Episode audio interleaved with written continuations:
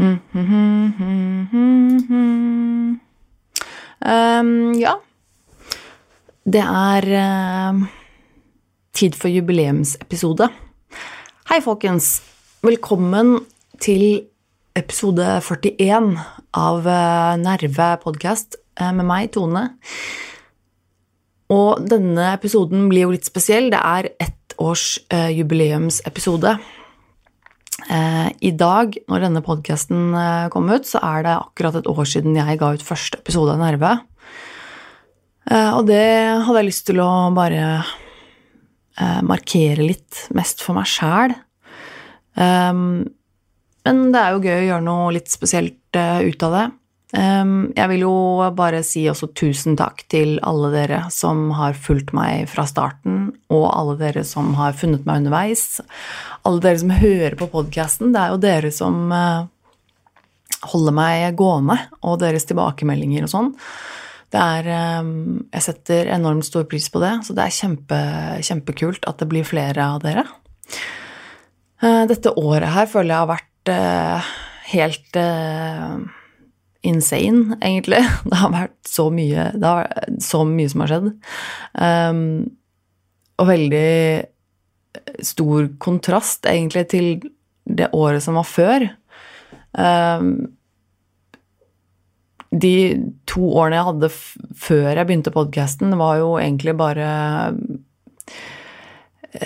på kanten av døden og liksom elendighet med innleggelser på sykehus og et helvete, egentlig. For å si det rett ut. Og det siste året her har vært Det har vært tøft, det har det. Det har vært mye utfordringer, det har vært mye opp og ned, men det har vært stort sett en veldig stor kontrast i den forstand at det har vært så mye bra som har skjedd. Det har vært mye oppturer. Um, selv om jeg måtte ta noen veldig vanskelige beslutninger, og selv om det har vært tøffe ting Jeg har jo eh, Det begynte jo på en måte med at jeg ble separert da, fra min ektemann. Um, og det er jo aldri en enkel beslutning å ta, uansett, um, uansett egentlig. Og jeg tror jeg hadde nok kanskje det jeg var nok veldig heldig med, med, min situasjon sånn sett, fordi jeg og min eksmann er veldig glad i hverandre. Vi er fortsatt gode venner, og vi skal feire julaften sammen med min nye kjæreste og eh, treffe hverandre stadig vekk og snakkes og har et veldig godt forhold. Um, og det har jeg lyst til å fortsette med, og jeg tror nok sånn sett at vi var veldig heldige at vi at vi, litt, at vi skjønte, skjønte at vi ikke fungerer som kjærester før hele liksom, forholdet og vennskapet vårt ble ødelagt. Eh, at vi tok tak i det og bestemte oss for at ok, vi har lyst til å fortsette å være venner, men vi er ikke kjærester lenger. Eh, men det er uansett alltid en vanskelig beslutning å ta. Og det, det var ganske trist, og det var selvfølgelig vanskelig. Men jeg tror det var veldig riktig. Og så er det jo alt det som hører med det, da. Og det å flytte og tilvenne seg en ny hverdag og separasjon og alt det greiene der, det er, det er jo ganske tøft. Um, og det var en omstilling. Og så er det jo så Men så har jeg fått så mye muligheter etter det. Det har liksom åpnet seg en helt annen verden. Jeg måtte på en måte snu opp ned på alt mulig. Um, så starta jo denne podkasten her. Det har vært helt utrolig at jeg har liksom klart å få til det. At det var noe jeg kunne gjøre. Det hadde jeg egentlig aldri trodd. Det var liksom bare en litt sånn fjern drøm å få en egen podkast. Det har jeg fått, eh, og jobbet hardt for, og det er jeg veldig, veldig glad for.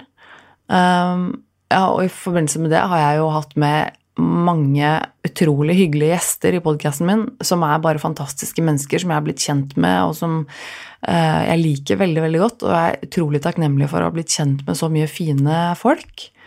Um, jeg har fått muligheter til å uh, være gjest i andre podcaster. Jeg har jo vært gjest i Anger podkast, jeg har vært gjest i Psykologlunsj uh, sin live-podkast i Trondheim. Um, og um, jeg har fått shoutouts i diverse podcaster, og jeg har vært gjest i Støme og Gjermann sin, sin podkast. Og det er det hadde jeg heller aldri trodd at kom til å skje. Eh, jeg har hatt en eh, artikkel om meg i VG.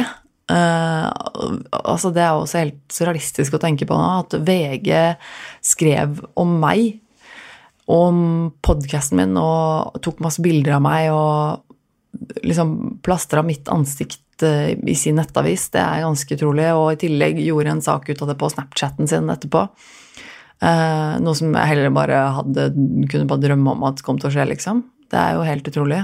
Um, jeg har uh, jeg, jeg har tatt noen av uh, mine kuleste tatoveringer hittil. Jeg har uh, fått en black sleeve som det heter. Altså tatovert eh, svart eh, arm, og jobber fortsatt med den. Og har fått eh, begynt, begynt på det hvite mønsteret over den svarte, svarte, armen min nå, som blitt, begynner å bli veldig, veldig kult. Eh, ansiktstatovering har jeg tatt, som også er en sånn milepæl, føler jeg, da, som jeg liker veldig godt, som ble veldig kult. Jeg har reist utrolig mye. Jeg har sett eh, jeg har vært rundt i Norge flere ganger, både liksom flere ganger i Bergen, Trondheim og Kristiansand, eh, og i Sirdal, altså min eh, samboers eh, hjemmetrakter. Steder jeg egentlig ikke har reist noe særlig før. Og vært flere ganger i alle disse stedene. Og det, i tillegg til det har jeg vært i København i Danmark, jeg har vært i Kapp Dagd i Sør-Frankrike, jeg har vært i Riga i Latvia, jeg har vært i Moskva i Russland, jeg har vært i eh, Las Vegas i USA, jeg har vært i Tokyo i Japan, jeg har vært i Reykjavik i, på Island. Og det her er bare i løpet av det siste året. Det er jo helt sykt at jeg har reist så mye i løpet av et år. Det skulle nesten ikke vært eh, mulig. Uh, de fleste av disse turene har vært sammen med samboeren min, og det har vært helt fantastisk å se og oppleve så mye steder. Det har vært uh, utrolig gøy, selv om det har vært veldig, veldig mye stress og angst involvert også. Så har det vært verdt det. Og det Jeg føler jo også i løpet av det året her så har jeg blitt, uh, jeg har blitt bedre. Sånn med tanke på min psykiske helse. Um, jeg føler nok kanskje at en ting jeg føler selv at kanskje har blitt verre, er angsten min. Jeg føler kanskje selv at jeg har fått mer angst. Um, litt generelt sett, men også litt sånn sosial angst og, og, litt sånne ting. Men det kan også være fordi at jeg er blitt mer bevisst på det. Jeg er litt usikker på om jeg faktisk har mer angst, eller om jeg bare er blitt mer bevisst på hvor mye angst jeg har. Um, og i tillegg så er det jo det at jeg kanskje har blitt mer um, jeg tror faktisk ikke jeg har mer angst. Jeg tror bare at jeg rett og slett er blitt mer utfordra på angsten min det siste året. At jeg har hatt, uh, hatt situasjoner og muligheter som, som, har vært i direkte konflikt med, med, min angst. Og da kjenner man jo veldig mye på det. At det er litt sånn sosiale situasjoner og mennesker, nye mennesker og nye situasjoner og reiser og sånne ting som jeg på en måte har hatt veldig mye av det siste året, som jeg ikke har hatt i foregående årene. Som da har utfordret disse følelsene mine av angst. Og jeg tror nok det er derfor jeg er blitt ganske bevisst på hvor mye angst jeg faktisk har. Um, noe som for så vidt er en god ting å være bevisst på, men det er jo ganske sucky å kjenne på at jeg har så mye angst. Det må jeg jo innrømme. Men, ehm, men derfor Men mye av dette her eh, Jeg snakker med Jeg har med en Jeg var i studio i går og spilte inn eh, brorparten av denne episoden eh, sammen med min gjest Gunnar Tjomli, som som jeg fikk med meg, og er veldig takknemlig for det. Jeg tror det ble en veldig fin eh, episode. God samtale vi hadde i studio i går. Eh, og det er mye takket være Gunnar at dette året her har vært som det har vært. Eh, han har gjort mye for meg, og virkelig um, Virkelig hjulpet meg med å klare å bli såpass bra som det jeg har blitt, og gitt meg åpnet mye dører for meg og åpnet øynene mine for muligheter. Um, og hjelper meg å bygge meg opp og ha litt mer tro på meg selv. Uh, og jeg vet det er sikkert uh, jævlig dølt å høre på, men jeg må liksom um, uttrykke den takknemligheten og den kjærligheten. Fordi det er liksom uh, Noen ganger så er det det man trenger et menneske som virkelig ser deg for den du er, da, og ser noe i deg som kanskje ikke jeg ser selv. Og det er det jeg føler at Gunnar har gjort for meg. Han har sett noe i meg, et potensial og talent og um, muligheter da, for meg og i meg som, som jeg ikke har sett selv, og som egentlig ingen andre på en måte har sett, eller i hvert fall ikke uttrykt overfor meg. Og det har, det har, hjulpet meg veldig. Um, og det at han i tillegg også har um, tålt de sidene av meg som har vært uh, stygge og tunge og, og, vonde. At han har uh, ikke vært redd for det, og at han ser meg for den jeg er, til tross for uh, alt det som har vært vanskelig. Det har vært utrolig viktig for meg og betydd veldig, veldig mye for meg og min bedring. Um, og derfor, også fordi han var min første, han var min første gjest i Nerve, der, um, og har vært i livet mitt veldig mye og tett de siste året, og derfor er han også med i denne episoden. Uh, og det har veldig, vært veldig fint å få hans perspektiv på det siste året. Um, og det var en veldig fin samtale og jeg håper, jeg håper, du liker den. Jeg håper du hører på hele, selv om det blir en lang episode. Men jeg tror den er viktig, og jeg tror at uh, dette har vært uh, for meg en fin måte å markere et ettårsjubileum på. Um, så jeg håper virkelig du, du, hører på episoden, og at du liker det. Og kom gjerne med tilbakemeldinger, sånn som eh, jeg pleier å si, og jeg mener det fortsatt like mye. Nervemetone.gmail.com. Eh, sosiale medier er jeg eh, Tone Sabro eller Nerve. Um, og så håper jeg du fortsetter å lytte. Og så høres vi igjen om en ukes tid. Så her får du min samtale med Gunnar Tjomli.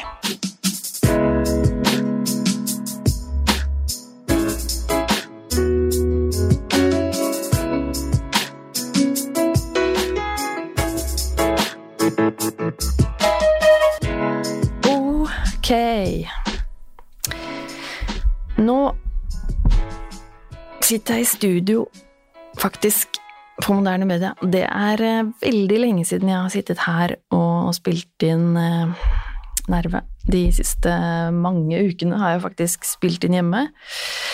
Litt fordi det har vært eh, enklest, og jeg har vel egentlig hatt litt vanskelig for å komme meg ut, kanskje, i det siste. Um, Men jeg har I dag har jeg med meg en gjest eh, i studio. Og vi har allerede vært her en liten stund og spilt inn dialogisk, og nå spiller vi inn nerverett etterpå, og det var litt sånn når man skal ha med seg en gjest, så er det greit å gjøre det i studio. Det er jo faktisk min første gjest på flere måter. Jeg hadde Eh, hadde med denne gjesten var, Du var min første gjest i podkasten, og i tillegg så er det nå ganske lenge siden jeg har hatt med en gjest i denne podkasten, så jeg føler det er nesten litt sånn eh, Nesten litt som å begynne på nytt igjen. Eh, så jeg er glad det er litt sånn lave skuldre, fordi at jeg, jeg kjenner deg ganske godt. Så i dag har jeg med meg Gunnar Tjomli som gjest i podkasten. Eh, for jeg regner med at de fleste som hører på denne podkasten nå, det vet hvem Gunnar er. Men for de som ikke vet hvem Gunnar er, eh, så må jeg si at Gunnar han er litt sånn multitalent, egentlig. Han er eh, Du er skeptiker, og du er blogger og forfatter. Du er foredragsholder, podcaster, driver med YouTube, og så er du fotograf. Og alt dette her er jo bare ting du gjør helt frivillig. og så fra dag til dag så har du eh, jobb i et IT-firma som du har startet selv. Um, om du for tiden har ganske mye å gjøre i også, i hvert fall nå i de siste dagene så har du jobbet både natt og dag, bokstavelig talt. Og dette vet jeg fordi i tillegg til alt dette, så er du jo også min samboer. Uh, og vi har uh, vært uh, sammen i ca. et år. Og det er liksom så mange måter det passer at du skal være gjest hos meg i dag. Forresten, velkommen, Gunnar. Takk. Eh, fordi at du har liksom Dette er jo en jubileumsepisode hvor jeg liksom tenker at jeg skal Jeg må liksom prøve å sette litt pris på det siste året. Og da føler jeg at eh, eh, du har en ganske sentral rolle i det å sette pris på det siste året. Um, og du har jo vært ganske tett på meg, og vi har vært mye sammen i løpet av det siste året. Uh, og da føler jeg at det er ganske naturlig å kunne ha med deg som et uh, perspektiv nummer to på dette året med podkasten min, egentlig. Ja, nå skal sannheten fram i lyset her. Ja, jeg kommer de farlige, skumle avsløringene. Merker jeg blir litt nervøs nå. det burde du være. Nå kommer alt som jeg ikke har turt å si til deg tidligere. ja, for nå kan du bare si det uten at jeg kan Podkasten handler jo om åpenhet, gjør ikke det? Så nå er det jo bare å kjøre på. Ja, det er helt sant. Ja, du får uh, Jeg får uh, brace myself. Får ta straffen etterpå. Uh, uh, uh. Ja, nei da. Um, men det er jo veldig mye For når denne episoden her kommer ut, på fredag 29. november, så er det faktisk nøyaktig et år siden jeg begynte podkasten. Akkurat et år siden første episode kom ut av Nerve. Og det er litt uh, Det er litt kult. Og det er jo mye takket være deg at at denne podkasten her fins i det hele tatt, og i det hele tatt at jeg gjør noe sånt som det her, og har begynt med YouTube og sånne ting, fordi det er jo Det begynte jo med at jeg ble kjent med deg via Instagram.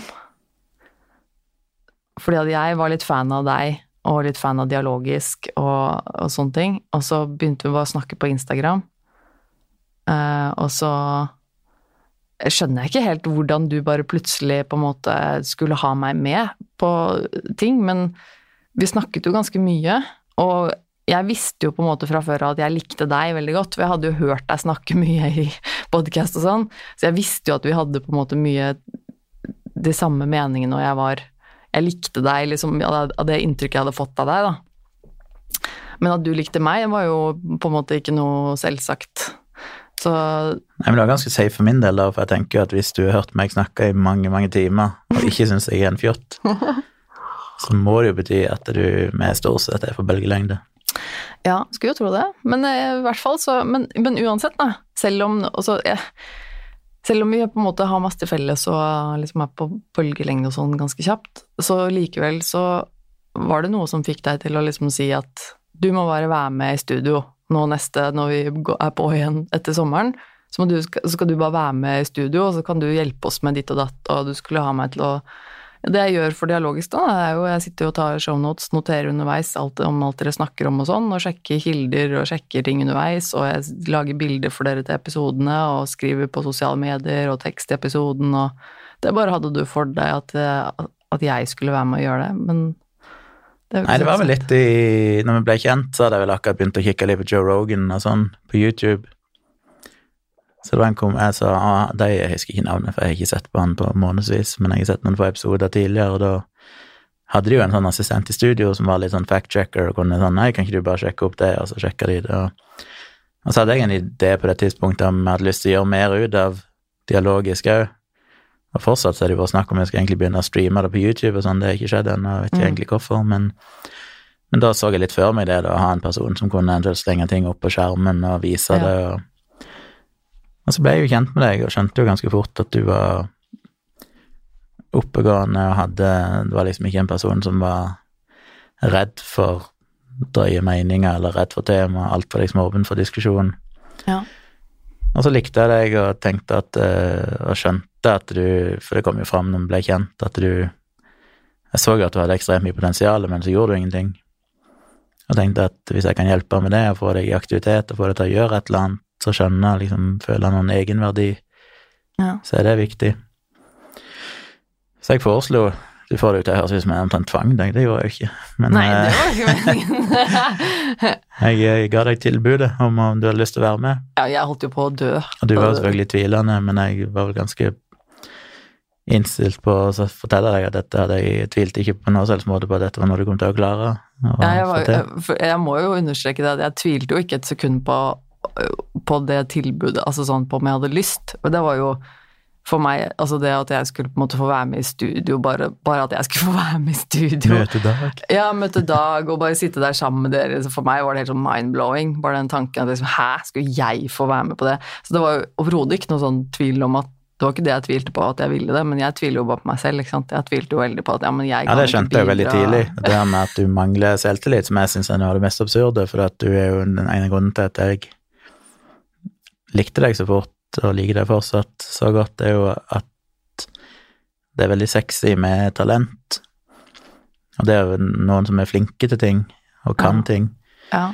Og du var jo helt åpenbart flink til så ekstremt mye forskjellig, spesielt innenfor kreative, kunstneriske ting, med ting du viste meg som du har laga og tegna og gjort, som jeg var så imponert av, men samtidig så var du en person som ikke gjorde noen ting fordi du følte ingenting var bra nok, og du var egentlig ikke noe bra, og alt dette her, og tenkte det er for galt.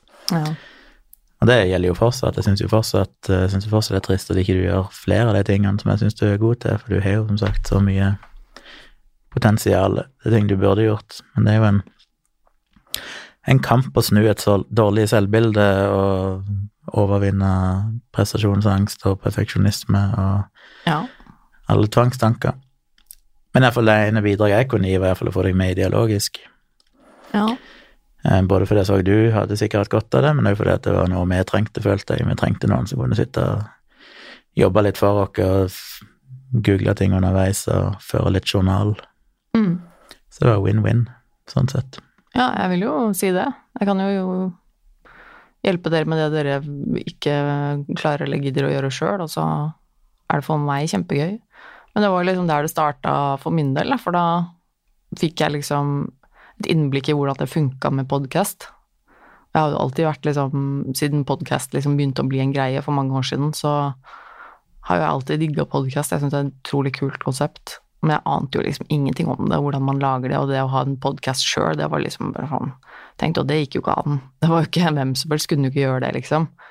Og så var det så gøy da å kunne være med i studio og liksom se hvordan ting funka, og er det sånn det er, liksom? Er det sånn man lager podkast, og dukka det opp liksom mine egne ideer og sånn, og så plutselig så balla det på seg med at jeg ble kjent med de som driver eh, studio, og så plutselig syntes de, de, at min idé til denne podkasten var bra, og så plutselig fikk jeg mulighet der, og så er det liksom mange dører som åpnet seg etter at jeg ble kjent med Ja. deg.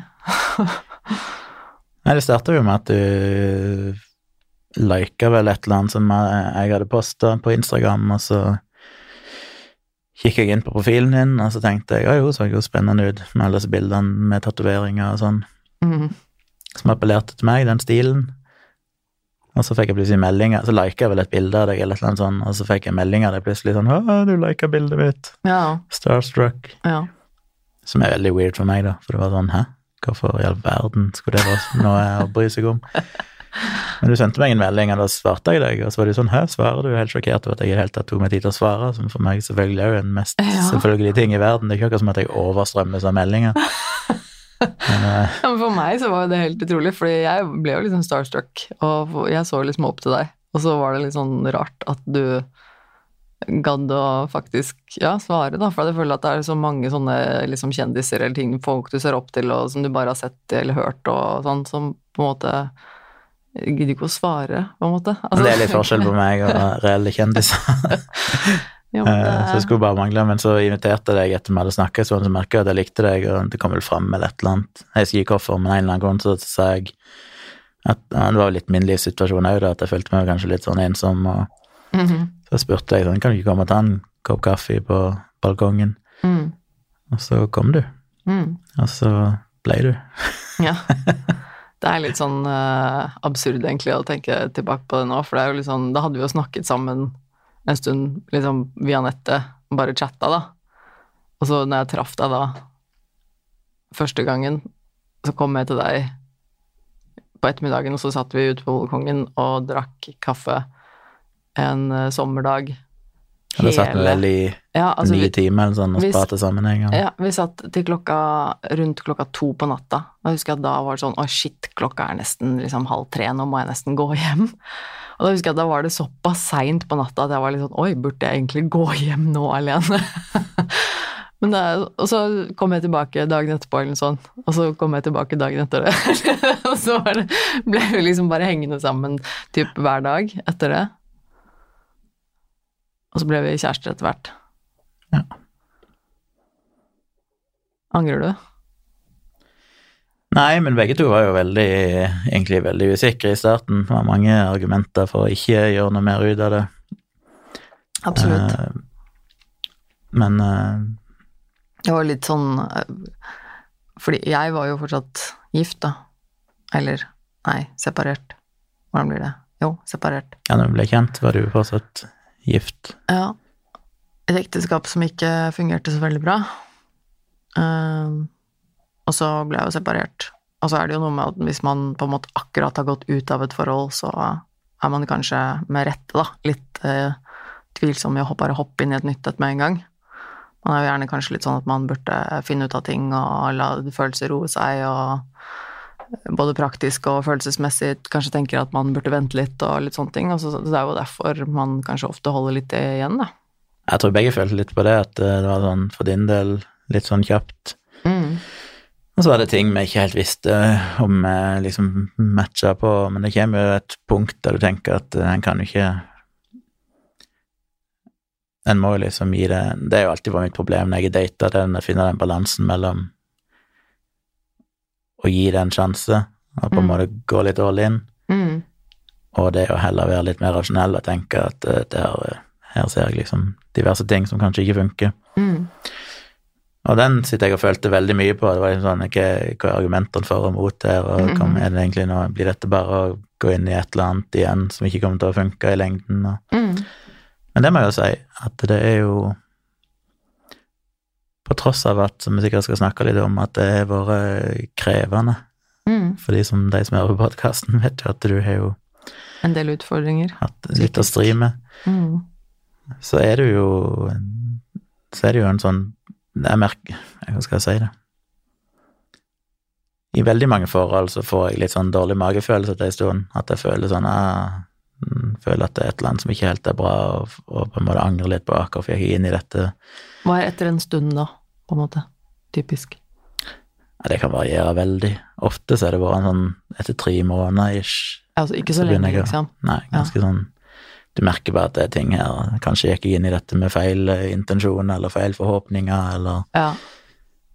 du ble blenda av et eller annet og overså ting som helt åpenbart ikke egentlig var så bra. Mm. Men eh, det er sånn en av og til føler på. Men nå som vi har vært sammen i et år cirka Selv om for, Jo, det er, vel- ja, det er nesten formelt sett et år. ja. Det er jo ca. et år. Så um, må jeg jo si at nå er jeg jo på det stadiet der jeg bare tenker at jeg er fortsatt uendelig glad for at vi er sammen, Ja. og ikke ikke går og føle på noen sånne ting. Og det er så deilig, for det er så mange tidligere forhold jeg har vært i, så har jeg liksom hatt litt sånn Følt at det er et eller annet som skurrer, Ja. og det har jo blitt slutt. Men uh, satser på at ikke de gjør det ennå. ja. Absolutt. Men det har jo, som du sa, så har det jo ikke vært liksom helt uten utfordringer. Og det er litt sånn det tror jeg også er litt viktig å snakke om. Ikke at jeg skal Jeg har ikke lyst til å liksom sitte her og gjøre meg til et sånt stakkarslig offer, akkurat. Det er jeg jo ikke.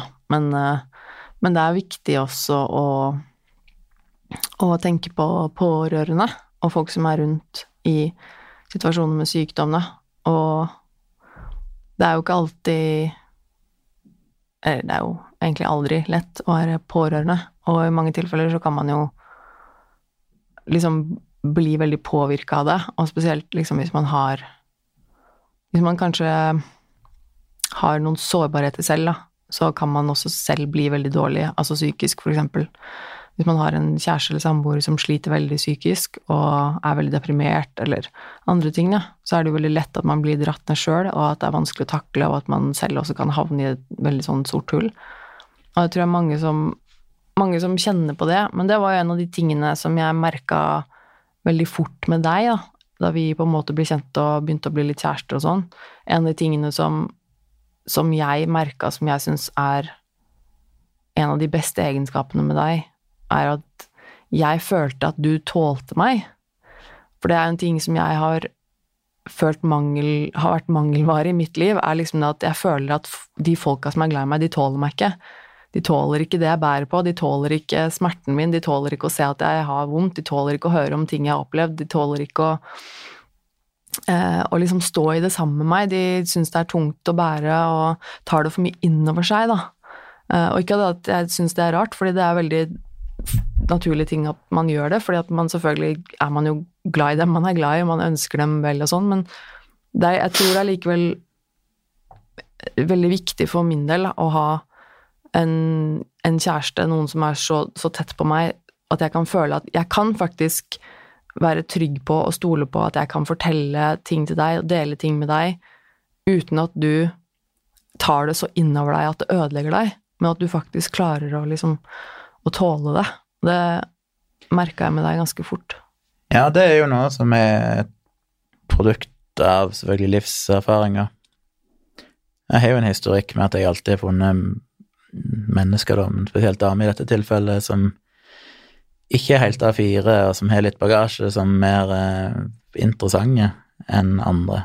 Jeg, jeg, har jo egentlig aldri connecta spesielt godt med folk som er veldig sånn De har tatt seg en høyere utdannelse, en master i ditt og datt, har en god jobb i et eller annet, og liksom er bare helt mainstream. A4 i gåseøynene, ja. liksom. Mm. Så jeg har jo en eller annen merkelig grunn stort sett data og hatt uh, kortere og lengre forhold, med noen unntak, men med folk som har hatt ganske tunge problemer. Mm. Og da er det lett å komme sånn 'Å, du er sånn uh, savior-kompleks', eller et eller annet. uh, det tror jeg vel ikke, for jeg lærte vel egentlig veldig fort at jeg, det er ganske begrensa hva jeg kan gjøre. Mm. Uh, jeg lærte vel egentlig det allerede med min første kjæreste, som sleit en del. Hun lærte meg veldig, veldig mye som jeg har hatt ekstremt mye nytte av resten av livet, blant annet det å kunne se folk Eh, se gjennom fasaden på en del. For hun hadde nok veldig fasade, og veldig mange som ikke ante noe om at hun hadde problemer. Men, mm. Men det å liksom lære seg å forstå mye av den tankegangen. Men da var jeg jo veldig umoden, og håndterte det egentlig dårlig. Det ble ja. altfor mye for meg. Jeg syntes ja. det var jævlig vanskelig, og, og, kjente litt på det med enkelte andre forhold òg, at jeg, jeg syntes det var veldig tungt. Mm. Og jeg har jo vært i flere situasjoner der det har vært liksom selvmordsforsøk og forskjellig som er lett å bære veldig på, og ikke minst dette med bare depresjon er veldig, veldig tungt. Mm. Det er liksom, tror jeg til en viss grad underkommunisert hva depresjon er, for depresjon er jo ikke bare jævlig for den som lider av det, men det er jo òg en svær sky som henger rundt den personen. Mm. Og når du går inn i et rom med en person som er tungt deprimert, så blir du dratt ned. Mm. Og det er krevende, men bare for å jeg skal ikke snakke altfor mye om det, men bare sånn Det det har gjort med meg, er på godt og vondt har gjort meg litt kaldere, på et vis. Ja. I den forstand at jeg tror jeg er flinkere til å ikke føle at denne personen sitt ve og vel er 100 avhengig av meg. Mm. At jeg klarer å disconnecte og av og til føle meg skyldig for det, og kan føle liksom at nå er jeg kanskje veldig kald, som bare liksom tenker at dette får hun bare stri med sjøl. Eh, Samtidig som jeg håper og tror at jeg balanserer det med at jeg faktisk bryr meg mye og stiller opp når det trengs, men jeg tror det er viktig å klare å holde en viss sånn form for kjølig distanse i noen situasjoner, for det kan fort utvikle seg veldig mye sånn avhengighet, og hvis du til slutt føler at hvis ikke jeg er der, så kommer denne personen til å ta livet sitt, mm. så er det en veldig, veldig usunn, spesielt i et forhold. Ja. For da kan en òg, og det er vært den situasjonen jeg har vært i før, der jeg har dratt forhold videre fordi at jeg tenkte at hvis jeg går ut av dette forholdet og så kommer hun til å ta livet sitt, for det har hun trua med, liksom. Ja. Og det er ikke noen kul situasjon, så jeg prøver å prøver å holde en viss sånn distanse, det, og derfor, som du sier, jeg klarer å bære det. Det er jo det er ikke enkelt ofte. Nei. Altså, det er jo tungt, og det gjør jo meg òg bekymra og deprimert eh, til tider. Men jeg tror jeg klarer å holde den eh, ja, å gi deg en kald skulder når jeg trenger det sjøl. ja. For å beskytte meg sjøl. For det, det, er vel egentlig det jeg prøver å si, at jeg tror det en er nødt til til en viss grad beskytte, beskytte seg sjøl uten å ha for mye dårlig samvittighet for det. Og jeg tror kanskje det du opplevde, er at det kanskje Ja, det er jo noen folk som bare skygger vekk i utgangspunktet, for de vil ikke involvere seg. Mm. Men så tror jeg jo det er folk som vil involvere seg og gjør det, men oppdager at det blir for mye, og så mister du de. Og jeg tror egentlig det beste for en, en, som deg og andre i samme situasjon, er jo kanskje å gjøre litt sånn som jeg har gjort, at du, du er i stand til å ikke gå all in alltid, Mm. Fordi da er det større sjanse for at du bare kobler helt av til slutt, at du ikke du takler det. Og jeg tror det er viktig Skal en kunne hjelpe noen og være til stede for dem, så må du jo Det er litt som ja, Igjen, denne analogien brukte jeg ideologisk nettopp, men eh, når du er på flyet og oksygenmaskene kommer ned, og tar på seg egen oksygenmaske før du hjelper barnet ditt eller Simon, Mm. som kan føles veldig egoistisk og sette seg sjøl først. Men til en viss grad så er jeg nødt til det, for hvis en sjøl går til grunne, så er det iallfall ingen hjelp for den personen. Nei, det er så sant. Men det er vanskelig å finne den balansen, og det kan føles vondt av og til. Og det er av og til du har skrevet til meg på WhatsApp, og jeg ser at nå går det skikkelig dårlig, Mm. men jeg har jo en jobb jeg skal ivareta, Mm. og jeg kan ikke i alle tilfeller kaste meg rundt og bare komme hjem til deg og alltid, for dette, og vil det bli en så stor belastning at jeg må liksom revurdere om jeg kan leve mitt liv og Ja. drive et firma. Mm. Så jeg må liksom hele tiden prøve å finne den balansen og tenke at dette går nok. Jeg skjønner at nå føler hun det sånn og sånn, Mm. men det kommer nok helt sikkert til å gå greit. Dette er noe som går over. Mm. Men det er alltid vanskelig, for du sitter alltid med og tenker om dette er den gangen det ikke går greit, eller tenker om det går ja. Mm. Men en er nødt til å bare ha den distansen og føle litt på det, og tørre liksom å ja, å være litt kald av og til. Ja, jeg tror det er eh, vanskelig å vite altså, For det er jo ikke noen grenser som er så svart og hvitt og konkret. Det er jo det å finne den balansen òg, for du, hvis du går for langt i andre retning, så blir jo det helt jævlig òg, på en måte. Hvis du bare hadde vært eh, bare hadde vært kald og ikke brydd deg tilsynelatende på en måte hver gang jeg hadde det vanskelig eller et eller annet, så hadde jo ikke det funka heller. Så det er Nei, selvfølgelig måte- ikke. Jeg, jeg tror det er veldig vanskelig for veldig mange å Og det er også noe med det å skjønne det, da, på en måte det du snakker om, å, for, og forstå det og, og faktisk se det, og kjenne på sine egne grenser, ikke minst, men også det på en måte å vite at det er noen grenser der, for det er jo veldig sånn, veldig fort at man, spesielt hvis man er i et forhold, da, så blir man jo veldig tett, og jeg tror det er veldig lett at man man føler at man skylder den andre å gjøre alt, eller at liksom Jo, men man må sette den andre først, eller man må uh, at, den, at man nesten kan bli litt sånn Ofre seg selv for den andre.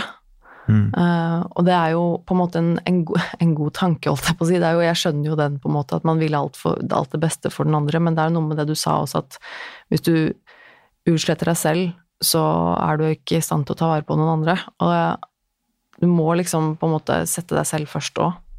Og ta vare på deg selv først, før du begynner og det å ta andre. Og det gjelder jo i aller høyeste grad til folk som sliter veldig med ting sjøl òg, for det har jeg har opplevd tidligere med andre jeg er kjent eller date eller var sammen med, som har hatt en del problemer, det er at de ofte er veldig empatiske og gode mennesker sjøl, som kanskje er noe av grunnen til at de får problemer, for at de, de blir gjerne veldig sensitiv på ting og, og kan ta ting veldig tungt. Men jeg har sett tilfeller der òg, der de òg, selv om de sjøl er det jævlig, så ofrer de seg altfor mye for andre som er det jævlig, for det er jo lett for folk som har det vanskelig å finne sammen og søke Mm. trøst i hverandre. Ja. Og der òg må en jo sette noen grenser, Mm. men det er jo jævlig vanskelig, det òg, for du føler jo at jeg av alle burde kanskje hjelpe, for jeg vet jo hvordan det er, jeg er kjent på dette sjøl, og hvis jeg svikter, hvordan i all verden vil Ja. det være?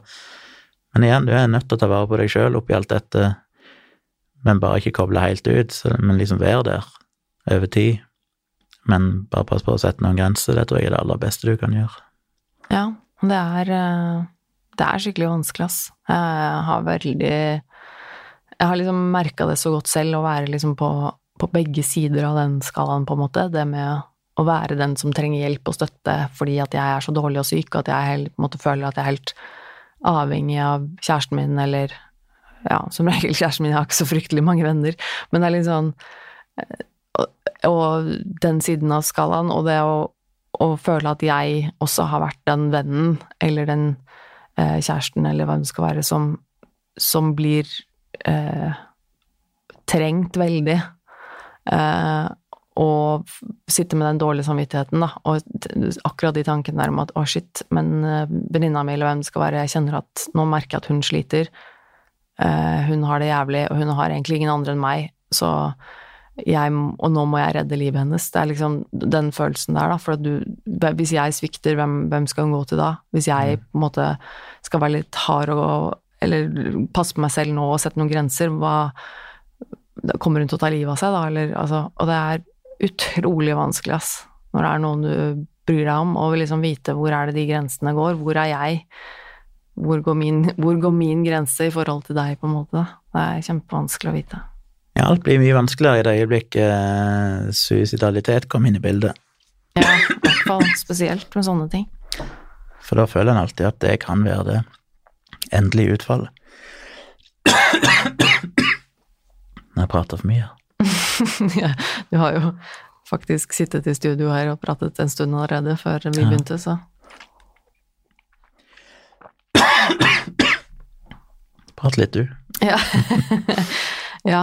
Eh, nei, fordi jeg har jo på en måte hatt mine stunder, for å si det sånn, opp gjennom hvor jeg har liksom kjent at eh, jeg er helt avhengig av en annen person, og følt Og jeg har jo veldig ofte Jeg er jo sånn, holdt jeg på å si, forholdsmenneske. Jeg er jo har jo på en måte alltid, stort sett i mitt voksne liv, vært i et forhold, og har jo også stort sett hele mitt liv slitt psykisk med forskjellige ting, men alltid på en måte vært ehm, Hatt mine problemer, og, og nesten alltid følt at jeg har vært en byrde. At liksom uansett hvem jeg er sammen med, eller hvem som er glad i meg, så er jeg en byrde for de som er glad i meg.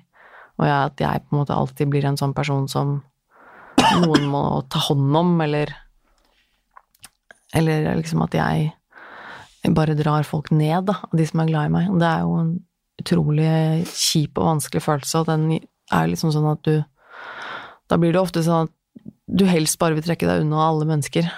At du blir At du blir å liksom isolere deg og tenker at alle har det bedre uten meg. Men det er jo to ting som er veldig viktig å minne på. Det ene er jo at ja, Det første er jo det at eh, hadde det bare vært negative ting, så hadde det selvfølgelig ikke fungert i forholdet. Det som gjør at det sånn sett en netto positiv ting å være sammen med deg, er jo at du kompenserer så veldig. Jeg vet at du er det vanskeligere, du kan være deprimert, og, men du er jo ekstremt flink til å gi masse i retur. Mm. Og på en måte når du, når du har overskudd til det du er i, så klarer du på en måte å, å vise at du verdsetter meg og, og gi veldig, veldig mye positivt tilbake igjen. Um, og det andre er jo det at det er jo heller ikke sånn at jeg tror at jeg er noen enkel person å være meg heller, så det er jo like mye det at jeg føler jo at du takler meg, Mm. som er ekstremt viktig.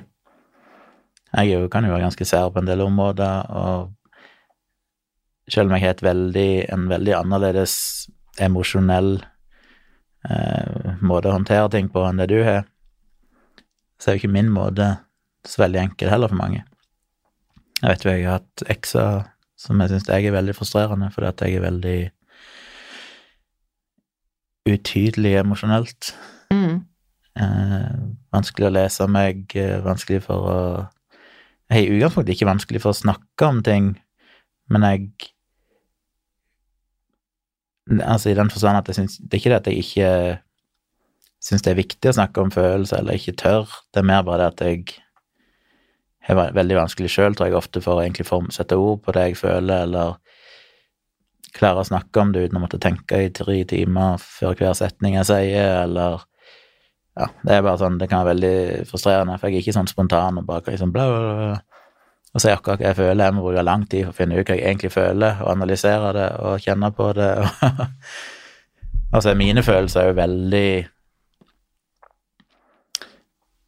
Veldig, hva skal jeg kalle det? Jeg har prøvd å tenke på det en del i det siste, når jeg har sett på den kontrasten mellom meg og deg. Det er akkurat som jeg føler, og dette kan bli misforstått på alle måter, det er helt feil måte å beskrive det på, men i mangel av noe bedre, akkurat som jeg følelsene er mer seriøse for meg, i den forstand at når du er følelser, så kan de gå fra det ene til det andre, Mm. og det er liksom bare noe som er der da, og sånn føler du deg, og så kan du en time senere føle deg annerledes. Mm. For meg er det sånn, hvis jeg først føler et eller annet, så er det en så stor investering at da varer det gjerne en stund. Ja. Da føler jeg at jeg har en grunn til det, og klarer ikke liksom bare å skifte følelse, fordi at da er det så alvorlig for meg at alt blir bare oppslukt av det. Ja. Uh, ja, så det Men iallfall, så det vet jeg kan være vanskelig. Og det er jo noe jeg jobber med og tenker på og prøver å bli bedre på.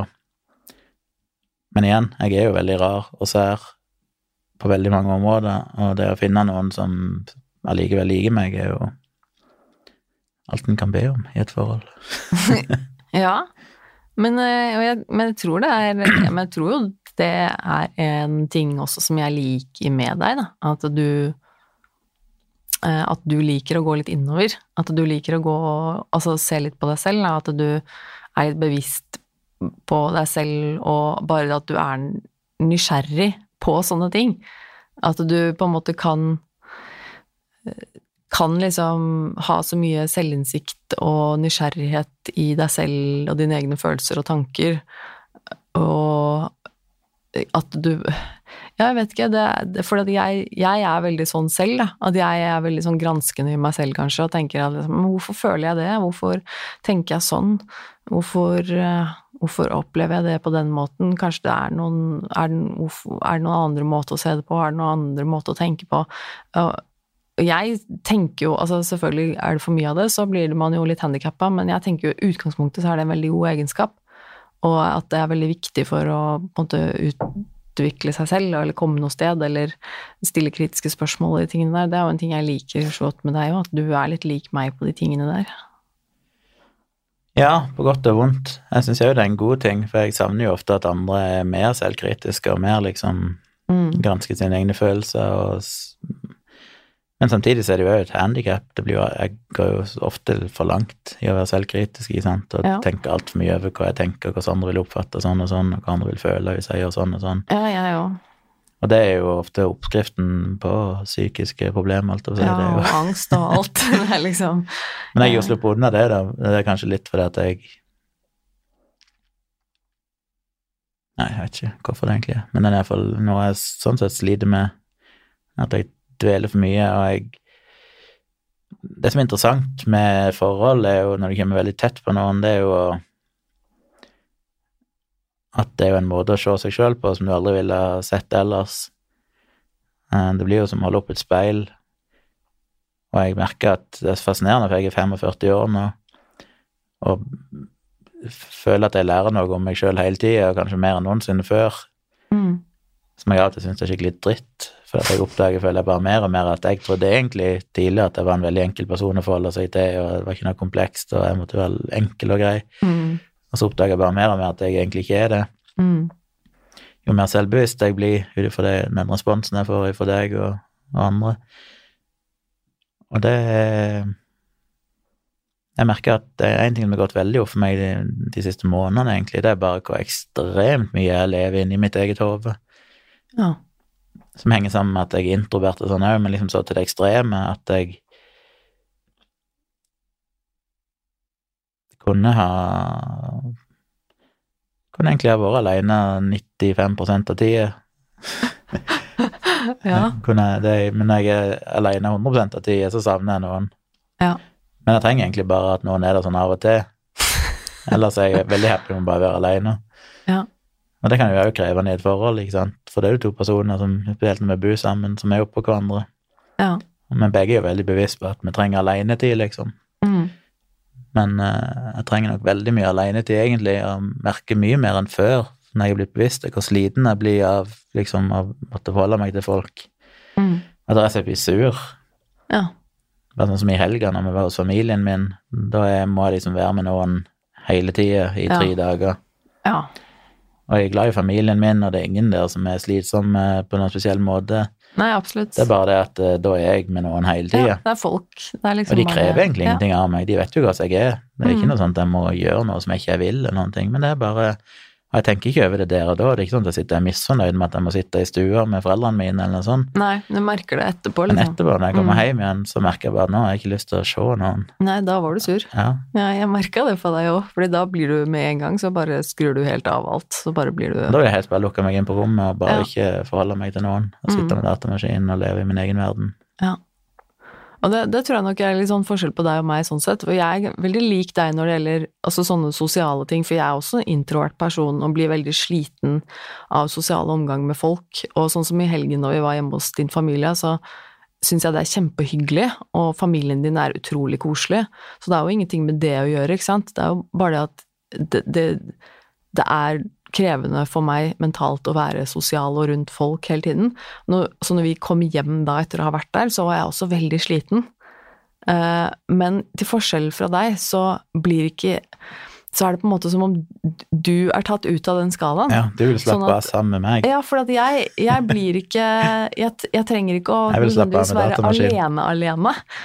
Hvis jeg skal på en måte slappe av og ta, ta meg opp etter en sosial omgang, holdt jeg på å si, så kan jeg godt slappe av og gjøre noe sammen med deg, for at det, det krever ikke noe av meg å være sammen med deg. Og jeg kan på en måte få også ladning eller energi av å være sammen med deg, da, fordi at jeg trives så godt i ditt selskap at jeg føler at det er liksom en sånn positiv ting for meg. Uh, mens du er sånn mer at når du da trenger å liksom slappe av og være alene, så må du være alene alene. Men det er fordi jeg syns alt av sosial interaksjon er krevende Mm. til den grad at hvis meg og deg er sammen, og jeg merker at du ser på meg, så syns jeg det er utrolig slitsomt. Ja. Fordi jeg føler at da forventer du et eller annet respons, eller en eller annen Og jeg har ikke lyst, jeg har bare lyst til å være nøytral i ansiktet og koble helt ut. ja. Så alt du gjør, blir på en måte en slags sånn Hva, hva, hva forventer du av meg nå? Nå må jeg postere et eller annet, Ja. og det syns jeg er slitsomt. ja. Og det er jo ingenting med at jeg, at jeg tror noe vondt om deg, og vet at du kjenner meg, og jeg elsker jo å være sammen med deg, men allikevel så er det slitsomt for meg. Der har du liksom bare tatt det sånn next level da, i forhold til meg. Ja. Ja. Det, og det er jo ikke noe feil med deg for det. Det er jo liksom bare Der er vi veldig forskjellige, tror jeg. ja, vi er forskjellige, og det må jo bare finne en sånn middle ground og respektere hverandre. Så det er derfor jeg innimellom kan bli litt sånn skuffa når vi kommer hjem og er sliten etter å ha vært og du er bare sånn Nei, nå må jeg bare låse meg inne, holdt si, nå må jeg bare gå og sette meg alene inn på studioet mitt og sitte der helt alene. Så ble jeg litt sånn Ja, men nå hadde jo jeg lyst til å ligge på sofaen sammen med deg og se på noe skit på TV-en. Det gjør vi jo alle andre kvelder. ja, men eh, det er noen ganger jeg trenger det ekstra mye hvis jeg, har vært, hvis jeg er veldig sliten. Men eh, det er liksom bare Men så vet jeg jo det at det er jo ikke noe fordi du ikke liker meg, eller fordi du har noe imot meg, men det er liksom bare fordi du har det behovet. Nei, men så blir det dobbelt opp stress for meg òg, da, for at da begynner jeg å tenke på at jeg er redd at du føler sånn og sånn, og så Ja. Blir jeg så stressa, så blir jeg nesten sint på deg, for at jeg føler at eh, jeg, skal, jeg har ikke lyst til å måtte trenge å forklare meg. Ja, ja. Kan ikke jeg bare liksom være i fred, uten Ja. at jeg skal føle meg skyldig for det? Ja. Og så går det jo over deg igjen, for at da, selv om ikke du nødvendigvis har gjort ting galt, men jeg bare koker opp en historie i hodet mitt der jeg føler at du egentlig syns dette er kjipt, og trenger en forklaring som ikke jeg egentlig føler at jeg har lyst til å måtte gi, Altså, det, Ja, altså, altså i mitt hode så blir det på en måte at, uh, at, det, at det er litt urettferdig på en måte at du blir sur på meg når jeg bare vil være sammen med deg. mm. For det er sånn ja, Det er jo egentlig et kompliment for deg at jeg vil være sammen med deg, så hvorfor i all verden blir du sur når du altså, det blir sånn, Men altså, egentlig så skjønner vi jo veldig godt hva den andre mener, men det blir bare sånn Vi er bare forskjellige på, på det, på en måte.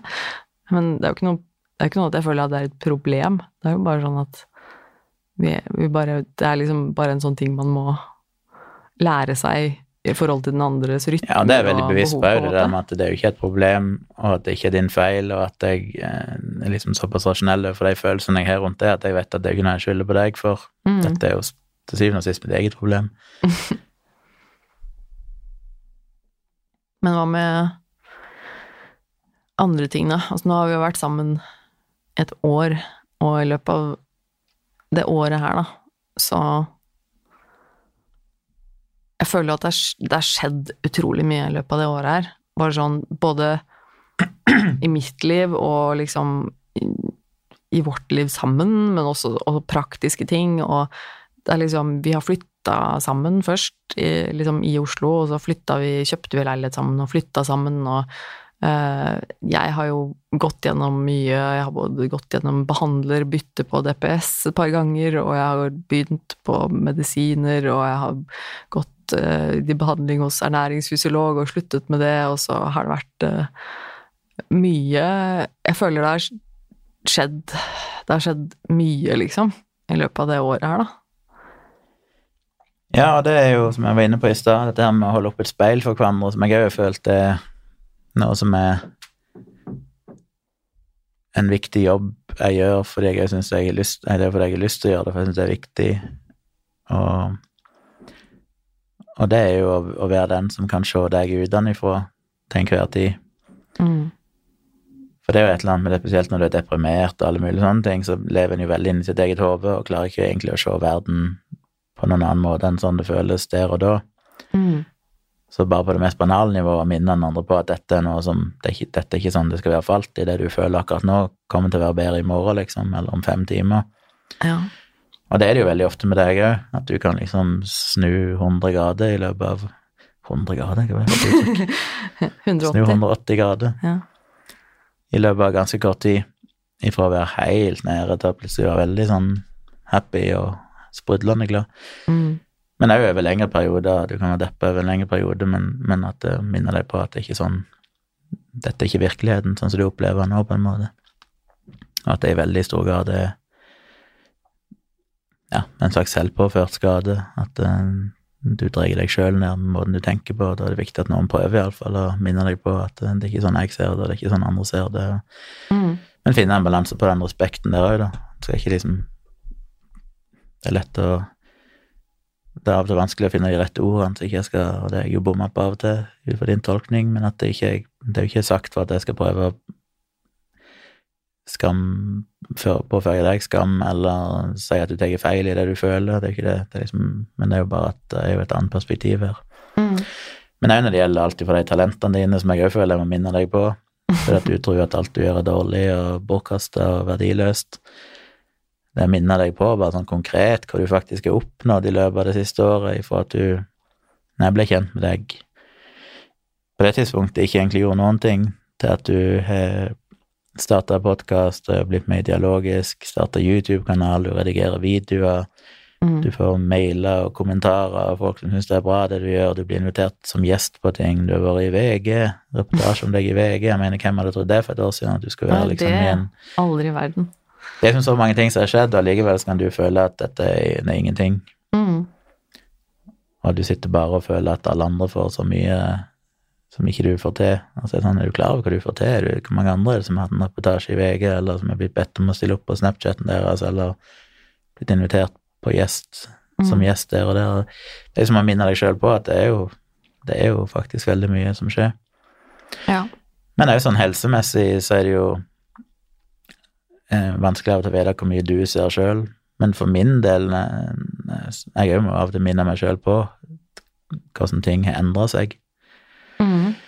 Og jeg prøver ikke å si at eh, du er liksom eh, Alt er vel og bra, det er det jo ikke, men men det er ikke noe tvil om at fra starten, når vi ble sammen, de episodene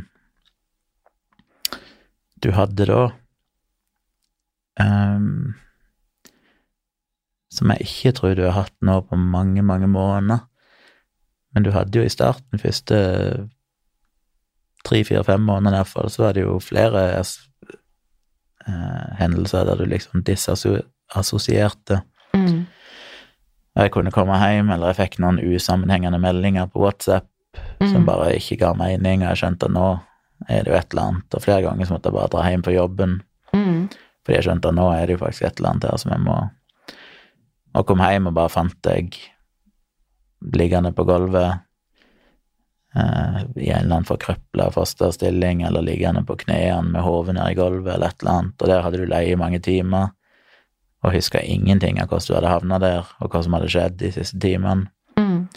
Og det tok lang tid før du kom tilbake igjen til virkeligheten, der liksom måtte du bare ligge i lang tid og bare stryke på deg og prøve liksom å få deg til å bevege deg, og du verka, hadde det vondt i alle muskler, for du hadde leie Ja, ja. helt fastlåst i samme stilling i evigheter, ja, og huska ingenting, og var bare helt En episode der du fikk angstanfall, eller hva du kaller det, der du bare liksom Virka som du kveltes, du klarte ikke å puste. Mm. Du lagde lyder som om du lå under vann. Og jeg tenkte at nå dør jo. Nå ligger hun her og dør rett framfor meg. Wow. Og jeg måtte bare sitte og si ok, gap opp nå. Ta pust, pass på at du puster. Satt bare og fortalte deg du må puste. Ja. Og du prøvde å puste, men klarte det ikke. Og endte opp med å besvime eller bare kollapse Jeg kunne stå og holde deg, og så bare plutselig ble du helt slapp og bare datt. Ja. Jeg tenkte shit, er jeg do nå? Hva er det som skjer? Oh, ja. Og hele tiden må jeg liksom bare prøve å ikke ta for mye på vei, og ikke la meg liksom bli for dramatisk, så jeg må hele tiden tenke at det her går jo helt sikkert bra. Men allikevel prøve å være der. Og det er så mange timer jeg kunne bruke på det, Mm. og bare liksom snakke med deg og få deg til å puste. Og, det er jo sånne ting som du ikke er klar over sjøl, sånn om nettene, hvordan du kunne flere ganger bare Jeg tror det var det som kanskje gjorde meg mest oppmerksom på at dette her ikke er skuespill. Dette er ikke en sånn drama queen. Dette er noe du har null kontroll over. Ja. Og det var de gangene det skjedde når du sov, ja. der jeg bare merka at du begynte å riste og lå og og spente deg og fikk nesten sånn krampaktige trekninger ja. og var helt ifra deg, og jeg måtte, var liksom veldig usikker på hva skal jeg gjøre nå. Skal jeg vekke henne, eller skal jeg Men jeg endte vel opp med å vekke deg, stort sett, ja. og holde deg og stryke på deg, og det tok igjen lang tid da før du kom til liksom hektene og skjønte hvor du var hen, og, ja. og du verka i hele kroppen etterpå, for du hadde spent musklene så til de grader at det Åh, var liksom ja, helt det ødelagt i jeg, i armer liksom- og bein. Ligge der og ha smertene. Ja, det husker jeg. Men det var, var det en viktig oppvekker for meg òg, for da skjønte jeg jo hvor mye det manifesterer seg fysisk. Mm. De psykiske tingene. Det er liksom ikke bare det at 'å, jeg er deppa', eller 'å, jeg sliter med sånne og sånne tanker', men det, det slo jo så hardt ut i kroppen din, Mm. eh, så ekstremt fysisk, at det var skremmende. Og så var det jo episoder med, med selvskading, Mm. der jeg òg til en viss grad beundrer meg sjøl for å holde hodet kaldt, for jeg kunne jo, men det er jo bare fordi jeg har opplevd sånt tidligere. Mm. Heldigvis, holdt jeg på å si. Hadde jeg ikke sett det før, så hadde jeg Men jeg Spesielt den ene gangen jeg kom hjem fra jobb. Du hadde skrevet noen meldinger som var helt usammenhengende, og så tenkte jeg jeg må komme meg hjem. Ja. Og ropte på deg og hørte ingenting. Og så gikk jeg inn på badet, og så lå du på badegulvet med masse blod rundt deg ja. og hadde rispa deg opp over hele armen. Uh, og du blødde jo veldig, og jeg tenkte sånn shit, hva Men jeg følte, da følte jeg meg virkelig kald, for da var det liksom bare sånn ok. Uh, nå må vi bare få deg opp her, og jeg gikk og henta førstehjelpsskrinet som jeg har hatt liggende i alle år, aldri hatt bruk for før, men eh, dro fram mine medisinske kunnskaper som jeg merka var totalt ikke-eksisterende på det tidspunktet, men dro ned for lyden av bandasje og sånn, og vaska deg og prøvde å bandasjere deg, og, Ja. og litt sånn som jeg alltid gjort med dattera mi, der må bare holde hodet kaldt. ja. Bare Og ikke la meg instinkt, på stresse. en måte. Eller sånn. Nei, ikke på instinkt, for det, det var bare... ikke sånn at jeg var ute av meg sjøl jeg var jo helt rolig. Ja, men det bare tar, den der fornuftssiden bare tar over, og du bare sånn, du bare vet liksom instinktivt at ok, nå må jeg bare gjøre noe. Jeg må bare gjøre Ja, plutselig at jeg føler at det verste jeg kan gjøre, det er å frike ut eller liksom Ja. overdramatisere. Det er bare sånn, ok, nå bare fikser vi dette, ikke sant. Og Mm. litt fordi at jeg er veldig opptatt av, som jeg har alltid vært med dattera mi, at jeg er veldig opptatt av aldri påføre noe skam. Det er liksom mitt ytterste Mm. mål. Mm. Jeg vil liksom ikke, jeg vil på en måte behandle det som om at dette er, er greit, dette skjønner jeg. Mm. Eh, Dette er ikke noe du skal være flau over i ettertid. For jeg vet jo at du er jo ikke noe du gjør fordi du har lyst til det. Det er jo selvfølgelig tusen ganger verre for deg enn for meg, så det er bare sånn dette går greit. Vi bare vasker dette, vi bandasjerer deg. Jeg fikk lagt deg i sofaen, fikk deg til å drikke litt vann og, Ja. Og bare prøve liksom å ta det sånn, men Men det er jo Ja, poenget mitt var bare at sånne ting skjedde i starten. Men ingenting Ja. av det er jo Du er jo fortsatt dårlige dager, og du kan være langt nede og, Mm. og ha det veldig, veldig vondt. Men det er jo et Det er jo et helt åpenbart skifte i at disse tingene som skjedde gjentatte ganger de første månedene, har jo ikke skjedd nå på over et halvt år. Ja, nei, det har ikke vært noen sånne episoder, egentlig. Det har vel vært liksom noen sånne Altså, jeg merker Jeg vet jo det selv at jeg har hatt på en måte en del angst og sånne ting, men det har ikke vært liksom sånne hendelser, da. Det har ikke vært de der anfallene, liksom, på en god stund, da. Nei, jeg er usikker på hvorfor det er blitt sånn. For jeg vil jo tro når du får de angstanfallene og disse assosierer sånn, så er det jo kroppen sin måte å, å reagere på på et eller annet. Så jeg vil jo om Jeg føler jo kanskje at i, før vi ble kjent, så gikk du vel Jeg føler jeg du hadde veldig mye inni deg som ikke du fikk ut. Jeg føler vel kanskje at du har fått ut mer Ja, også, i det siste. Men også er det jo en Det er jo en gradvis prosess, altså, og du kan tenke deg at liksom Da jeg traff deg for et år siden, så var jo ikke jeg på mitt dårligste. Nei. Det har jo til og med vært dårligere enn det, og jeg tenker jo jeg har, og, altså Før det så har jeg jo vært innlagt og prøvd å ta livet av meg flere ganger, og så da du traff meg, så var jeg jo allerede bedre, på en måte, enn det jeg hadde vært, da. Så Men du var jo veldig sånn i starten allikevel at du Og det har du ikke gjort heller på lang tid, men da var du litt sånn at du Vi hadde mange samtaler om det, om du i det hele tatt skulle leve eller ikke. Ja, det er sant, det. Mm. Og du var veldig klar for å dø egentlig på det tidspunktet. Ja. Jeg syns egentlig det hadde vært en lettere utvei enn å investere blant annet noe følelser i et nytt forhold. ja. Det husker jeg også var veldig Men da var jo jeg ganske mm, drittsekk på et vis og bare sa rett ut at eh, hvis vi skal ha et forhold, så er du nødt til å bestemme deg for å ville leve. Ja. Jeg er ikke interessert i et forhold hvis jeg er nødt til å være redd for at du hvilken som helst dag kan finne på å heller ville dø. Mm.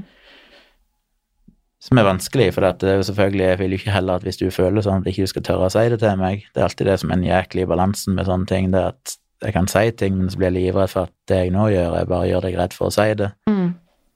fordi da tror du at jeg går ifra deg. Mm. Og det er jo ikke det jeg mener, men det handler jo bare om at jeg må ha en viss trygghet på at hvis du går inn i et forhold, så er det fordi du faktisk investerer i livet. Mm. Og jeg orker ikke, og jeg har vært i den situasjonen før med folk som egentlig jeg må være redd for om de kommer til å være i live dagen etterpå. Det, det kan jo høres egoistisk ut, men det er ikke et liv jeg, jeg føler at jeg det kan, Jeg kan ikke bruke livet mitt på det. Nei. Selv om jeg har lyst til å være der for dem, så er jeg nødt til å bare si at dette er dette må profesjonelle ta seg av. Jeg kan ikke vie livet mitt til å holde deg i live resten av livet. Nei. Som er jo vanskelig å si, for hvis du plutselig skulle bli dårligere igjen, så mener ikke jeg at da ditcher jeg deg, liksom. Men iallfall i utgangspunktet, når vi først går inn i et forhold, så må iallfall det være innstilling i utgangspunktet. Mm. Og så skjønner jeg jo at ting kan bli dårlig i framtida og alt mulig sånn. Det skal en jo klare seg gjennom, men, men jeg satte jo på en måte det kravet på et vis, at du er nødt til å velge livet hvis du skal være sammen med meg. Og det var jo også en av de tingene som gjorde at jeg holdt igjen i starten. Fordi at jeg var Jeg var jo et hinder for at du kunne dø. Ja, det var du. Det sa du jo ganske tydelig. Ja, i aller høyeste grad. Fordi at jeg hadde jo da, på det tidspunktet der, så Da var jeg på en måte på vei ut av også det eneste som På mange måter det eneste som holdt meg igjen i livet, det var jo på en måte mannen min, da. Han jeg var gift med, eksen min. Eh, Det var mye av, mye av grunnen til at jeg klarte å holde meg i live, var på grunn av han, rett og slett fordi jeg hadde så dårlig samvittighet, og at jeg tenkte at jeg har ødelagt livet hans nok, liksom, og jeg til og med liksom overlevde et selvmordsforsøk hvor på en måte han har kommet og funnet meg, liksom, og følt at jeg virkelig har grusa livet hans. altså, og følt meg så jævlig, og liksom tenkt at vi har, Og bare føle på den dårlige samvittigheten hele tiden. At liksom At han må leve med meg og det, og Og da var jo på en måte Og så kom det til et punkt hvor vi ble separert, og det var noe vi begge ville, på en måte. Altså, det var jo selvfølgelig trist, men vi merka jo det at vi, vi skal ikke være kjærester lenger. Og da selv om det også var noe jeg visste at var riktig, så satt jeg jo på en måte etterpå og tenkte at ja, men ok, da har jeg en mindre person å forholde meg til. Da er det en Hvis jeg dør nå, så er det på en måte mer greit, for nå har jeg på en måte kvittet meg med alle. Så det at jeg da traff deg og begynte å like deg og begynte å liksom bli glad i deg, da, og begynte å, liksom å, å skjønne at du var glad i meg, ikke minst, det var liksom sånn Det ødela jo planen min. Det ødela jo de tankene jeg hadde om at ja, men nå Altså jo, min- jo, jo færre folk du har i livet ditt, jo lettere blir du å dø, på en måte. Altså sånn alt som, alt som gjorde det å dø bli vanskelig, det var liksom kjipt, da. For jeg ville jo bare Jeg ville jo bare at det skulle bli lettere å dø, sånn at jeg bare kunne dø. Så du, du kommer jo inn på mange måter og liksom hindra, hindra planen min litt om å dø, og da, da ble jo det selvfølgelig også litt vanskelig. Altså er det jo noen rare samtaler å ha, for det at eh, det er vanskelig å gi argumenter for ikke å heller bare dø. Ja, det er det. Det er ikke sånn at jeg har noen gode som sier når jeg ikke er religiøs og ikke tror på noe mer enn det materialistiske, at når du er død, så er du død, og da er jo egentlig alle problemene dine over. Mm. Så er det vanskelig å finne noen gode argumenter, og det prøvde vi jo på av og til. Jeg hadde de samtalene, liksom, hva er egentlig argumentene for å leve? Ja. Og det føler jeg av og til kanskje det blir snakka for lite om, dette her med at uh, folk som er tungt deprimert eller suicidale og alt dette her det er, Jeg tror nok det er lite for seg å argumentere imot det, for på en måte så er det jo har de jo rett i gåseøynene, i den forstand at det, ikke, det finnes jo ikke noe Alle argumenter for at nei, men du bør heller leve, blir jo bare sånn wishy-washy. Fordi at jeg vet jo det at hvis du dør, så er jo ikke det noe å si allikevel. Mm. Eneste argumentet i så fall er liksom tenk på dine de som er glad i deg. Mm. Men igjen, hvis du er død, så har jo ikke du det problemet lenger. Nei, da er det jo ikke ditt problem lenger. Nei. Da er det jo bare de som sitter igjen, da, som får problemer med det. Og tankegangen er jo ofte vanskelig å få inn òg, for at de som er i den situasjonen, vil jo stort sett tenke at de er mer en byrde enn en glede for andre. Men det er jo en jobb, da, å bare minne deg på det, at det faktisk er Det vil jo være jævlig. Ja. Uansett hva du måtte tro i hodet ditt, så vil det være helt jævlig. Men det er jo en samtale som jeg husker jeg hadde flere ganger, både med min eh, liksom behandler på DPS, og de gangene jeg har vært innlagt, for eksempel, da, hvor jeg har vært så langt nede og vært suicidal og egentlig bare trodd at Men jeg Nå lever jeg ikke for meg lenger, jeg vil bare dø, liksom. Og den samtalen hvor, hvor jeg sier liksom Hvor man snakker om de tingene der, da, at liksom Men jeg Eneste grunnen til at jeg holder meg i live nå, det er på grunn av at jeg jeg ønsker ikke å, å gjøre noe vondt mot de menneskene som er glad i meg. Og da ble det litt sånn Nei, ok, men det er greit, egentlig, på en måte, akkurat nå. Så kanskje du bare trenger å være i live for de andre rundt deg en liten stund. Mm. Helt til du klarer å være i live for deg selv. Kanskje det er akkurat nå, så kanskje du bare må ha den dårlige samvittigheten litt, og bare tenke at ok, så nå er jeg bare i live fordi at jeg ikke vil såre de rundt meg med å dø. Og så er det på en måte alle sånne argumenter, det får bare være bedre enn å dø, da.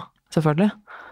Og det er liksom Du må liksom bare klamre deg til det håpet om at ja, men det blir bedre etter hvert, og etter hvert så kanskje du faktisk klarer å leve fordi du har lyst til å leve.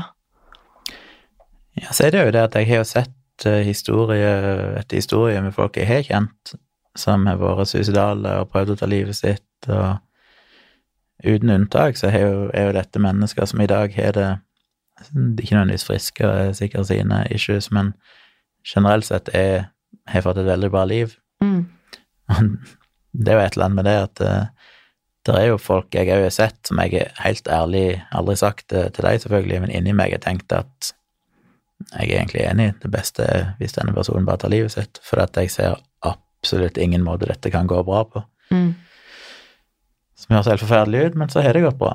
Mm. På et eller annet mirakuløst vis så skjer det ting i livet.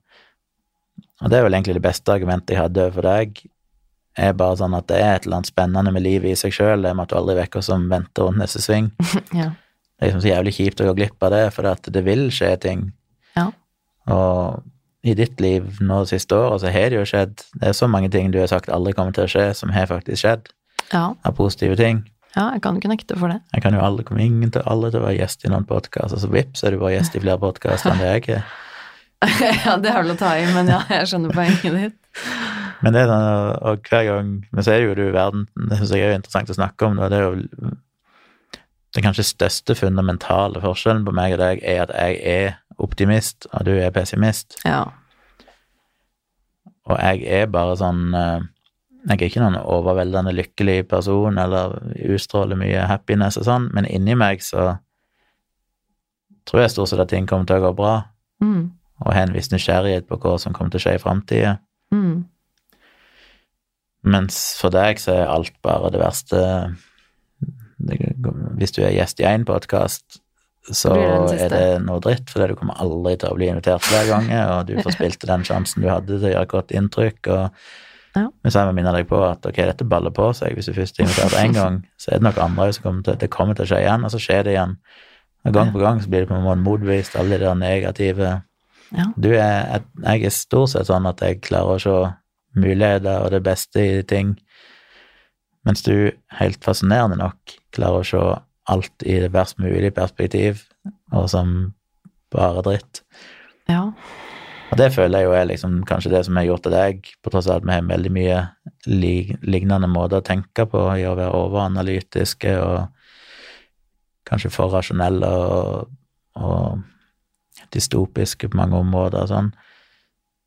Så er vel den store forskjellen at min pil liksom vipper oppover, mens din vipper nedover, Mm.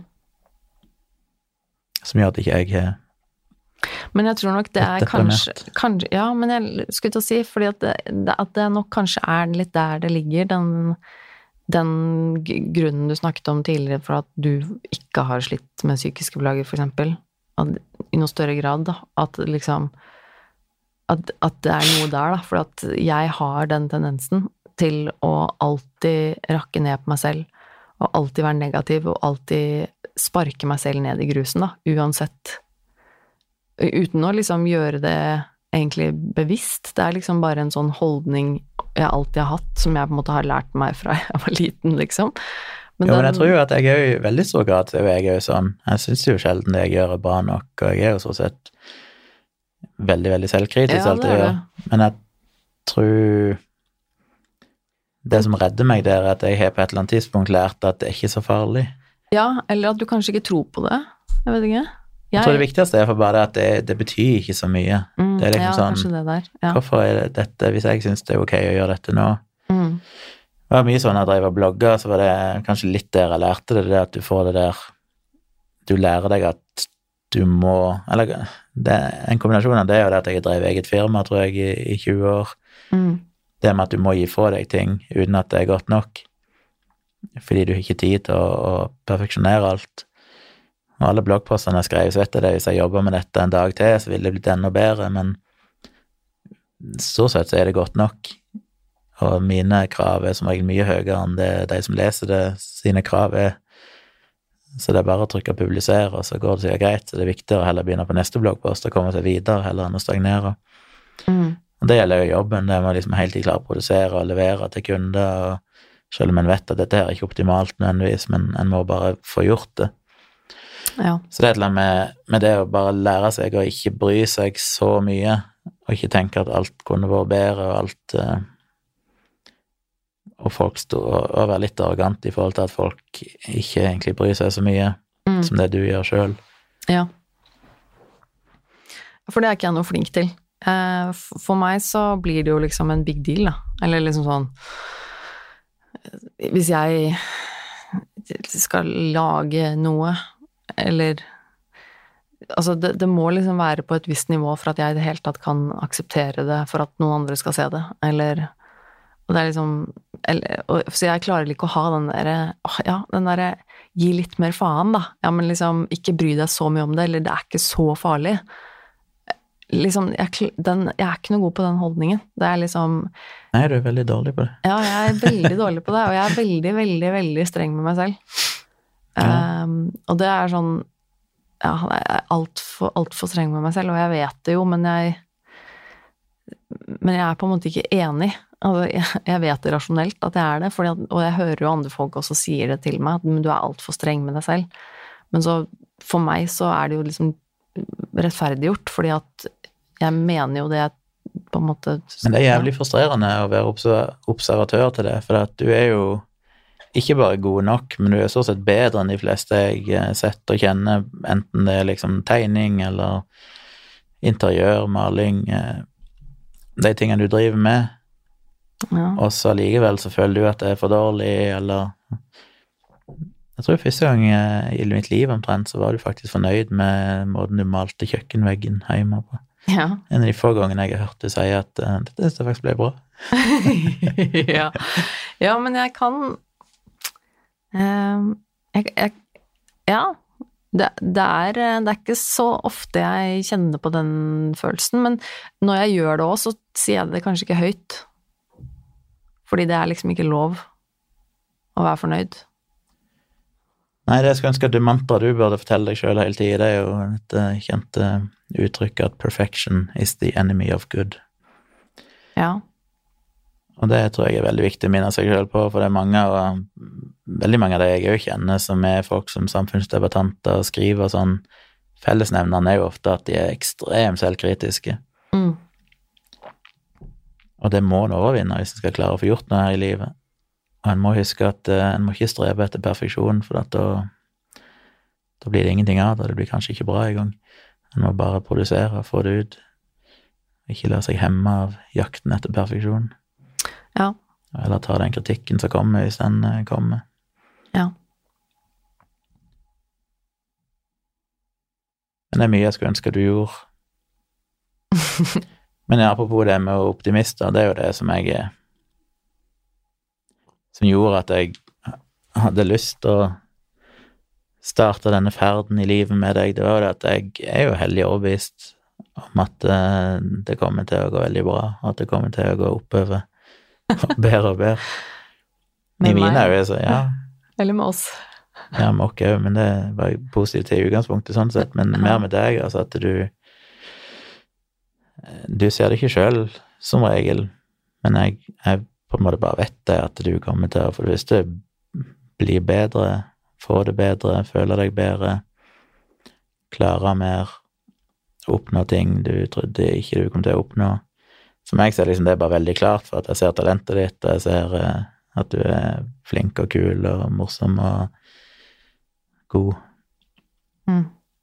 Så for meg så er det aldri bare noe tvil om det, på en måte. Så jeg, det er jo det at jeg Hvis ikke jeg hadde følt det, så hadde jeg på en måte kanskje blitt deprimert av det. Men, men for meg så er det veldig tydelig at eh, dette kommer til å Og det kommer til å ta tid, og det er vanskelig, og det er krevende, men, men allerede bare dette året, da, så har det jo helt tydelig vært en, en kurve som går oppover. Ja.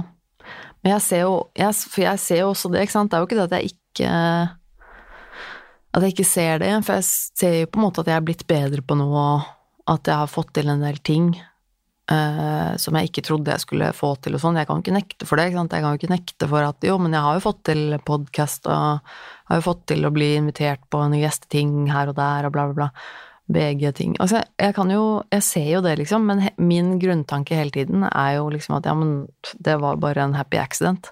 Ja. Det er bare sånn Ja, men det var bare en fluk, liksom. Det, de kommer til å se gjennom meg på et tidspunkt. At det Og det er jeg Det er ikke sånn at det kommer til å skje en gang til.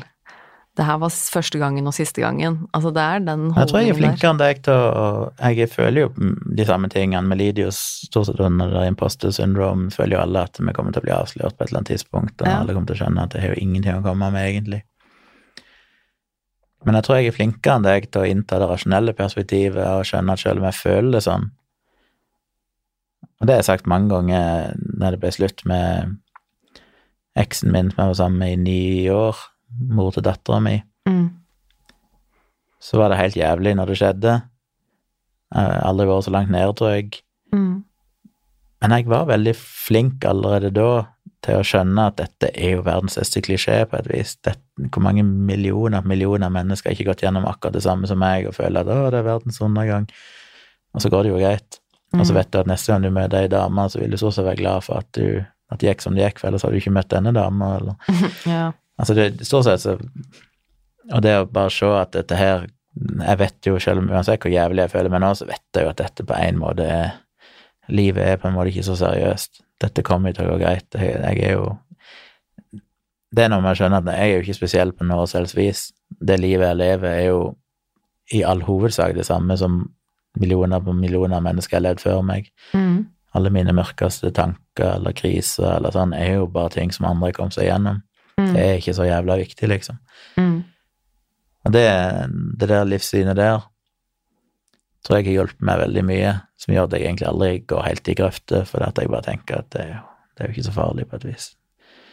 Ja, men, ja, for det det er den jeg mangler litt, da, fordi at jeg har ikke noe jeg har ikke noe øh, vanskelig for å tenke at ja, men jeg er ikke spesiell. Jeg er ikke Det er ikke noe forskjellig fra meg fra alle andre. Altså, den der der, den har jeg ikke noe problem med å tenke Men det er det med at det ikke gjør noe. Det at det er greit. Det er der det stopper for meg, da, for at det er ikke greit. Hvis du ikke er best, så er du ikke bra nok. Det er liksom den grunnholdningen jeg har i livet. At hvis ikke du Ja. Og det er ikke en sånn bevisst tanke jeg har, liksom. At jeg går rundt og tenker det hele tiden, at hvis ikke jeg er best i verden på ditt og datt, så er jeg ikke bra. Ikke? Men det er en sånn grunnleggende ubevisst holdning til alt jeg gjør og skal og vil og tenker og føler at liksom hvis ikke jeg er best, hvis ikke jeg er, gjør det best, så er det ikke, er det ikke verdt noe.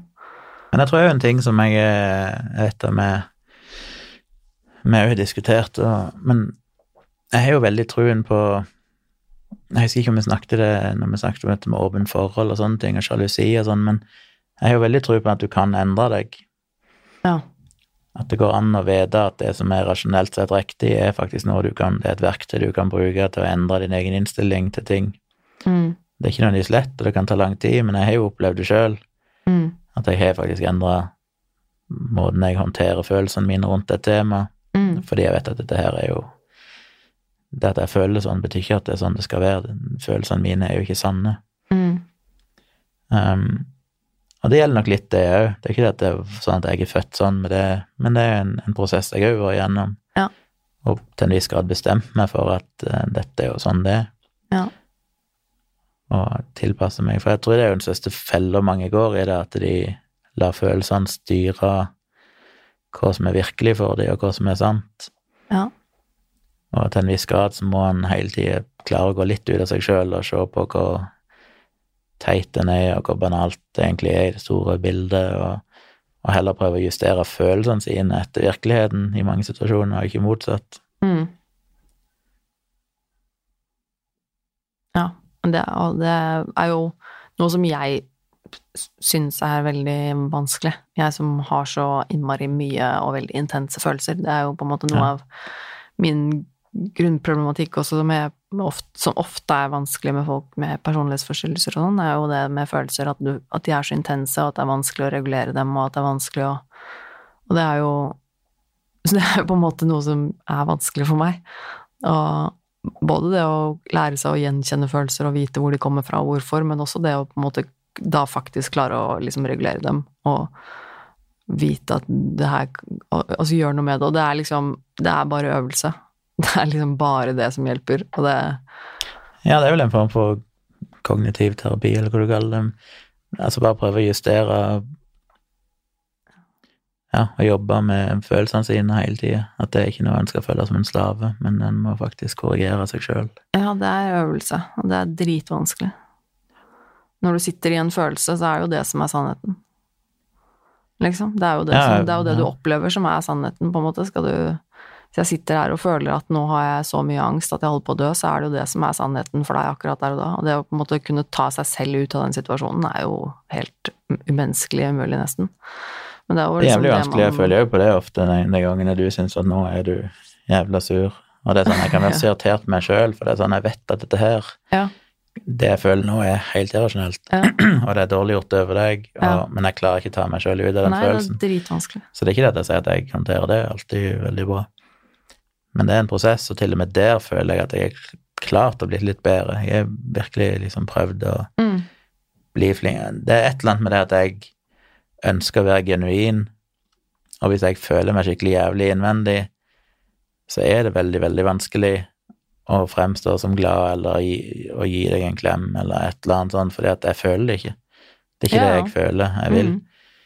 Men allikevel så er det et sånn klassisk, perfekt eksempel på at hvis jeg tvinger meg sjøl til å gjøre det likevel, så er på en måte handlingen med på å justere følelsene, Ja, sånn, ja. Mm. heller enn at følelsene skal dirigere handlingene til enhver Mm. tid. Mm. Det er vel litt som han Richard Wiseman, tror jeg jeg snakker om det. Ja, mulig jeg blander, men jeg har iallfall lest andre snakke om det med at Jeg vet ikke hvor sant det er engang, men jeg tror det er noe i det. At det er ikke sånn at du smiler fordi du er glad alltid, men det å smile, hvis du bare tvinger deg sjøl til å smile, så vil faktisk det vekke gode følelser i deg. Som blir litt av det samme, da. Det å tvinge seg sjøl til en handling kan òg forme følelsene. Det er ikke alltid motsatt. ja, det er sikkert noe der. Så handlinger må ikke alltid komme som en respons på følelser. Du må av og til gjøre handlinger først for å guide følelsene dine. Mm.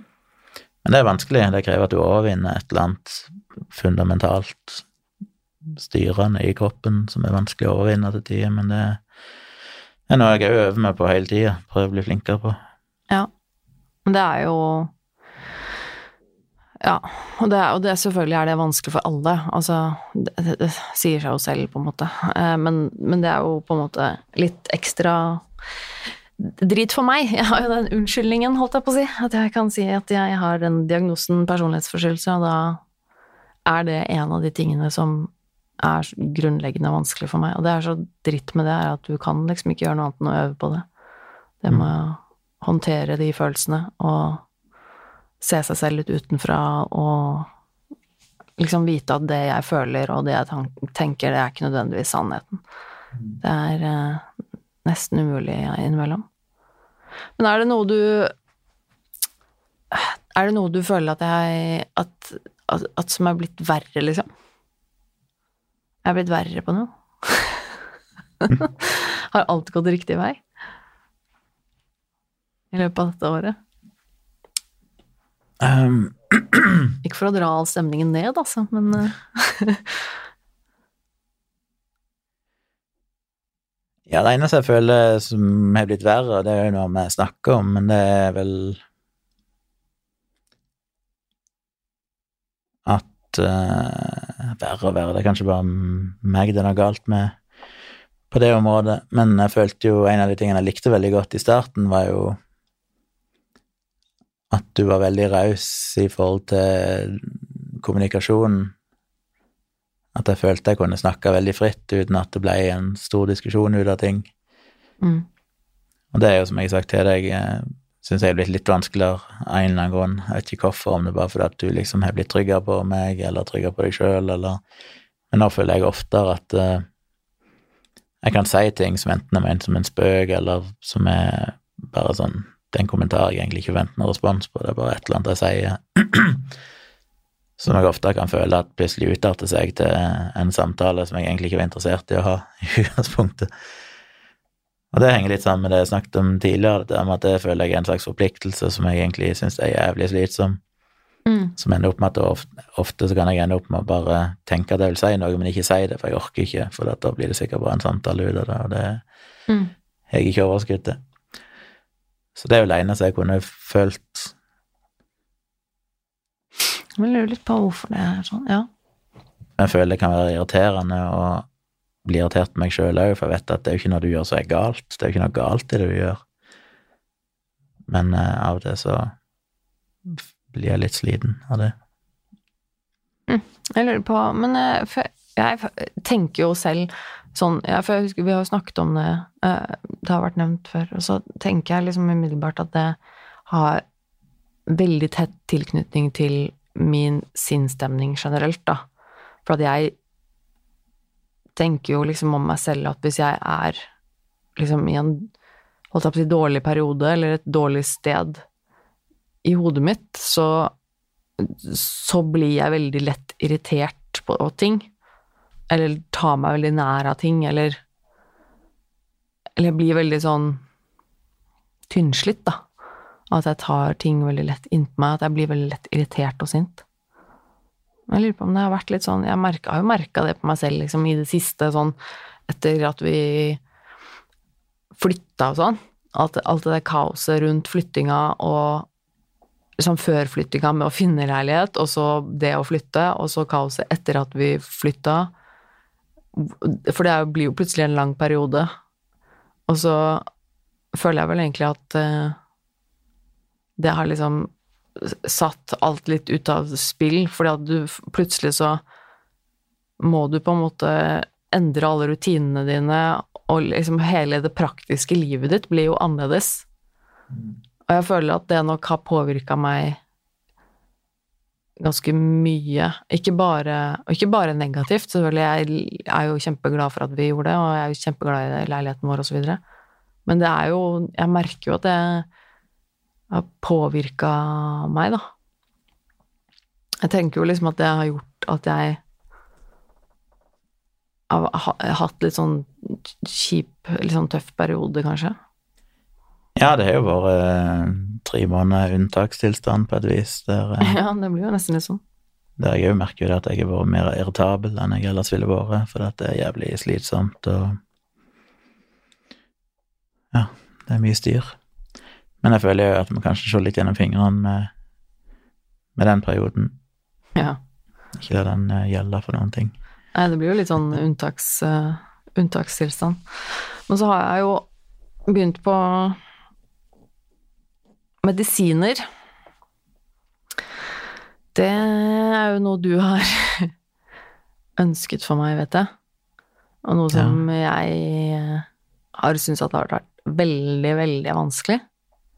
Nå har jeg jo faktisk gjort det ganske nylig, begynt på medisiner. Jeg har gått på de i noen uker nå. Eh, og det også var jo noe jeg ikke trodde jeg kom til å gå med på. Men jeg, jeg merker jo det at det har eh, mye med deg å gjøre. Fordi at jeg føler jo at jeg skylder deg det. Å prøve alt, på en måte. Jeg ønsker jo ikke at du skal ha en Ja. kjæreste som er helt herpa. Nei, det har jo vært noe vi har snakka om helt fra starten.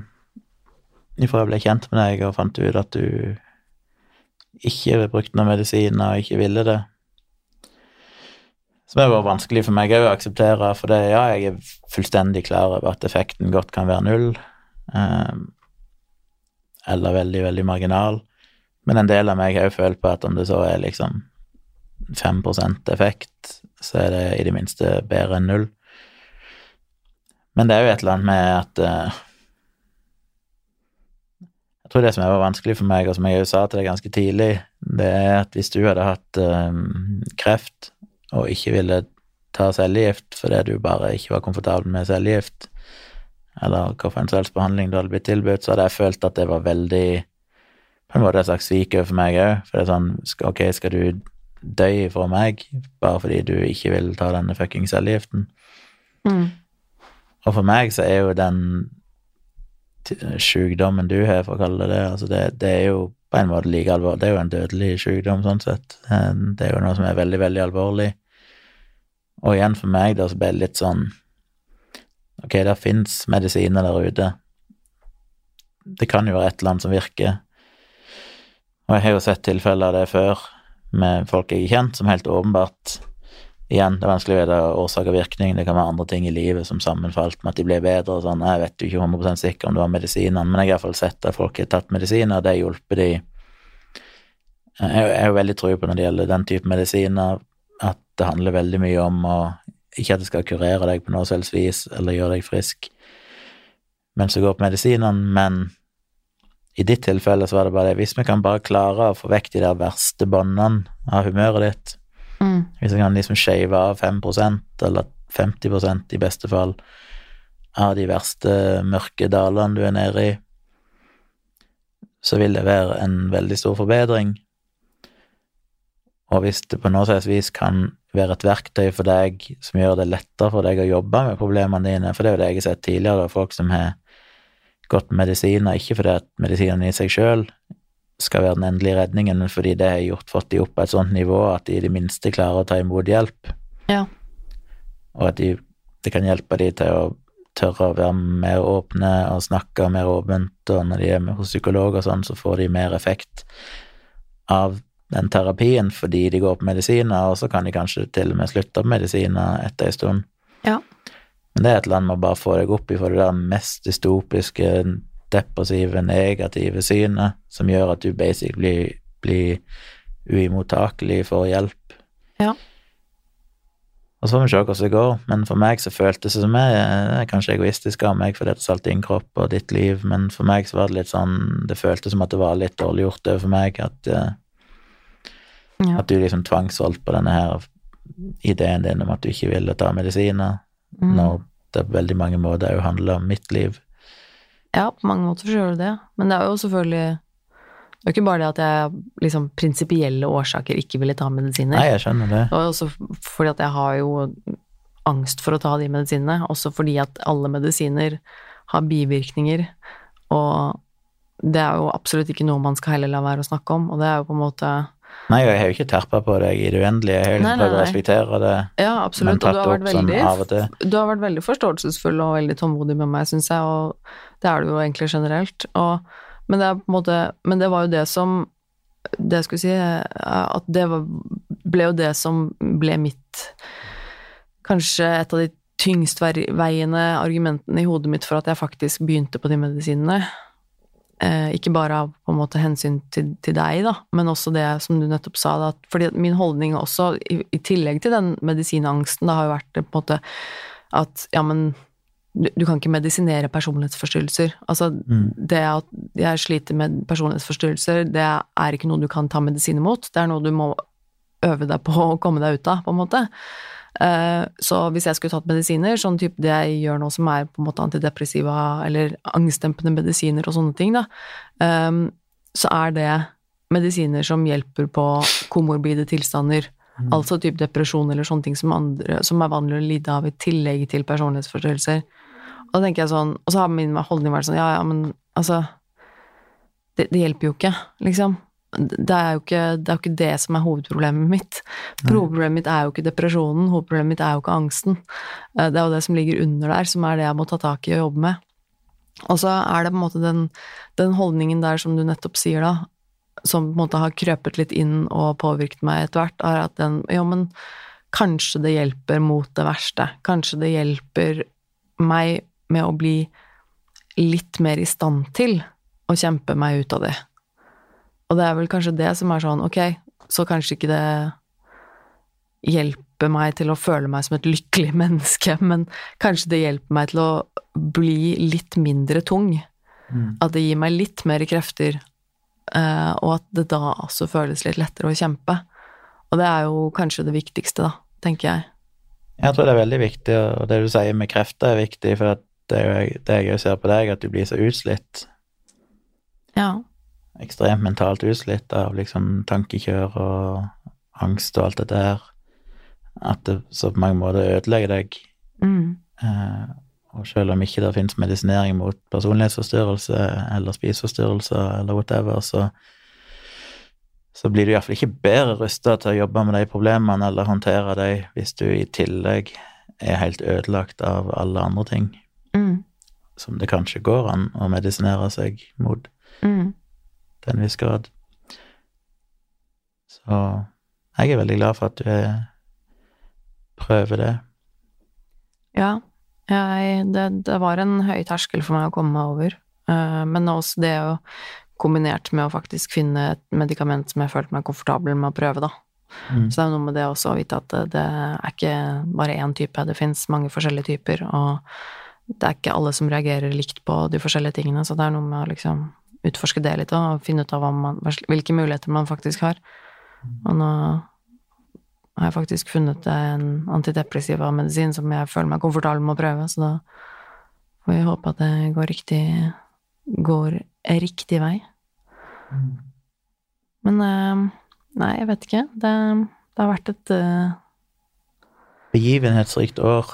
Ja, det kan man jo trygt si. Det er mye som uh, mye som har skjedd, og det har gått veldig mye opp og ned, men jeg tenker jo at det stort sett går riktig vei.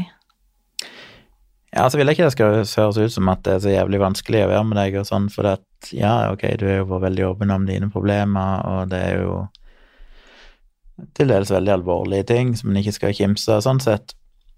Men jeg minner meg jo sjøl hele tida på at uh, jeg hadde nok syntes det var mye tyngre å være sammen med en i gåsehud frisk person som jeg sikkert kommer til å irritere meg over på andre måter.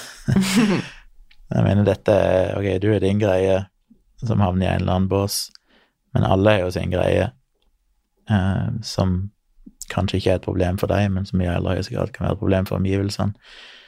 Jeg vet jo det med meg sjøl, som sagt, jeg er jo i utgangspunktet frisk og har ikke noen issues uh, av klinisk art som jeg vet om.